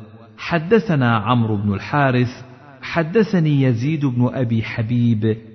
حدثني عبد الرحمن بن شماسة المهري قال كنت عند مسلمة بن مخلد وعنده عبد الله بن عمرو بن العاص فقال عبد الله لا تقوم الساعة إلا على شرار الخلق هم شر من أهل الجاهلية لا يدعون الله بشيء إلا رده عليهم. فبينما هم على ذلك أقبل عقبة بن عامر فقال له مسلمة يا عقبة اسمع ما يقول عبد الله. فقال عقبة هو أعلم. وأما أنا فسمعت رسول الله صلى الله عليه وسلم يقول لا تزال عصابة من أمتي يقاتلون على أمر الله قاهرين لعدوهم لا يضرهم من خالفهم حتى تأتيهم الساعة وهم على ذلك. فقال عبد الله أجل ثم يبعث الله ريحا كريح المسك مسها مس الحرير. فلا تترك نفسا في قلبه مثقال حبة من الإيمان إلا قبضته. ثم يبقى شرار الناس عليهم تقوم الساعة. حدثنا يحيى بن يحيى أخبرنا هشيم عن داود بن أبي هند عن أبي عثمان عن سعد بن أبي وقاص. قال قال رسول الله صلى الله عليه وسلم لا يزال أهل الغرب ظاهرين على الحق حتى تقوم الساعة. باب مراعاة مصلحة الدواب في السير والنهي عن التعريس في الطريق. حدثني زهير بن حرب حدثنا جرير عن سهيل عن أبيه عن أبي هريرة قال قال رسول الله صلى الله عليه وسلم إذا سافرتم في الخصب فأعطوا الإبل حظها من الأرض. وإذا سافرتم في السنة فأسرعوا عليها السير. وإذا عرستم بالليل فاجتنبوا الطريق فإنها مأوى الهوام بالليل. حدثنا قتيبة بن سعيد حدثنا عبد العزيز يعني بن محمد عن سهيل عن أبيه عن أبي هريرة أن رسول الله صلى الله عليه وسلم قال: إذا سافرتم في الخصب فأعطوا الإبل حظها من الأرض، وإذا سافرتم في السنة فبادروا بها نقيها وإذا عرستم فاجتنبوا الطريق فإنها طرق الدواب ومأوى الهوام بالليل. باب السفر قطعة من العذاب واستحباب تعجيل المسافر إلى أهله بعد قضاء شغله. حدثنا عبد الله بن مسلمة بن قعنب وإسماعيل بن أبي أويس وأبو مصعب الزهري ومنصور بن أبي مزاحم وقتيبة بن سعيد. قالوا حدثنا مالك حا وحدثنا يحيى بن يحيى التميمي واللفظ له. قال قلت لمالك حدثك سمي عن أبي صالح عن أبي هريرة أن رسول الله صلى الله عليه وسلم قال السفر قطعة من العذاب يمنع أحدكم نومه وطعامه وشرابه فإذا قضى أحدكم نهمته من وجهه فليعجل إلى أهله. قال نعم. باب كراهة الطروق وهو الدخول ليلا لمن ورد من سفر.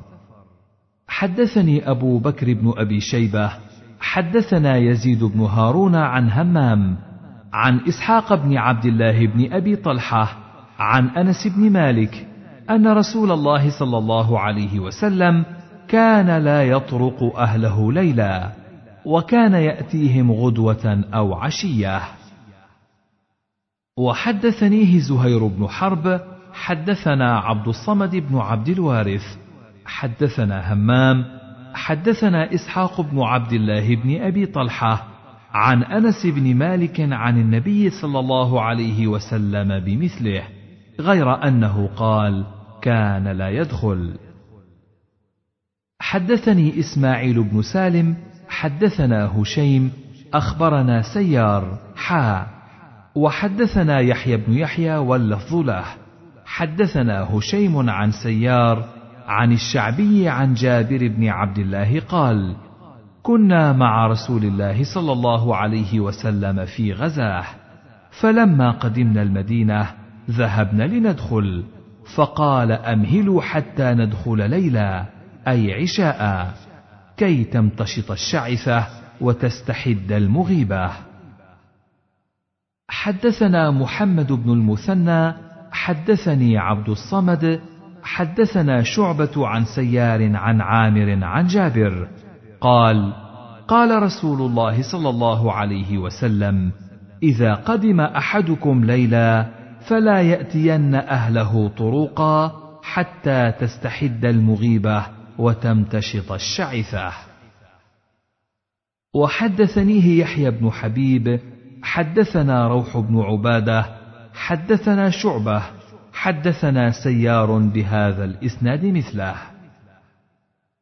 وحدثنا محمد بن بشار حدثنا محمد يعني بن جعفر حدثنا شعبة عن عاصم عن الشعبي عن جابر بن عبد الله قال نهى رسول الله صلى الله عليه وسلم إذا أطال الرجل الغيبة أن يأتي أهله طرقا.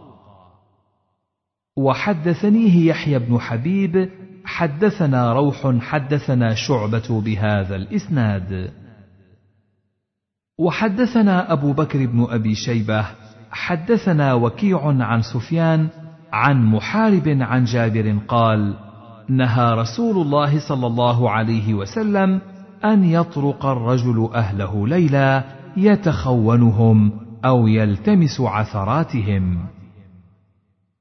وحدثنيه محمد بن المثنى حدثنا عبد الرحمن حدثنا سفيان بهذا الإسناد.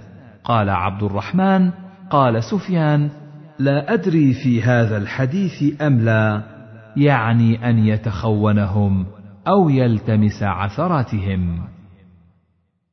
وحدثنا محمد بن المثنى حدثنا محمد بن جعفر حا. وحدثنا عبيد الله بن معاذ حدثنا أبي قالا جميعا حدثنا شعبة عن محارب عن جابر عن النبي صلى الله عليه وسلم بكراهة الطروق ولم يذكر يتخونهم أو يلتمس عثراتهم.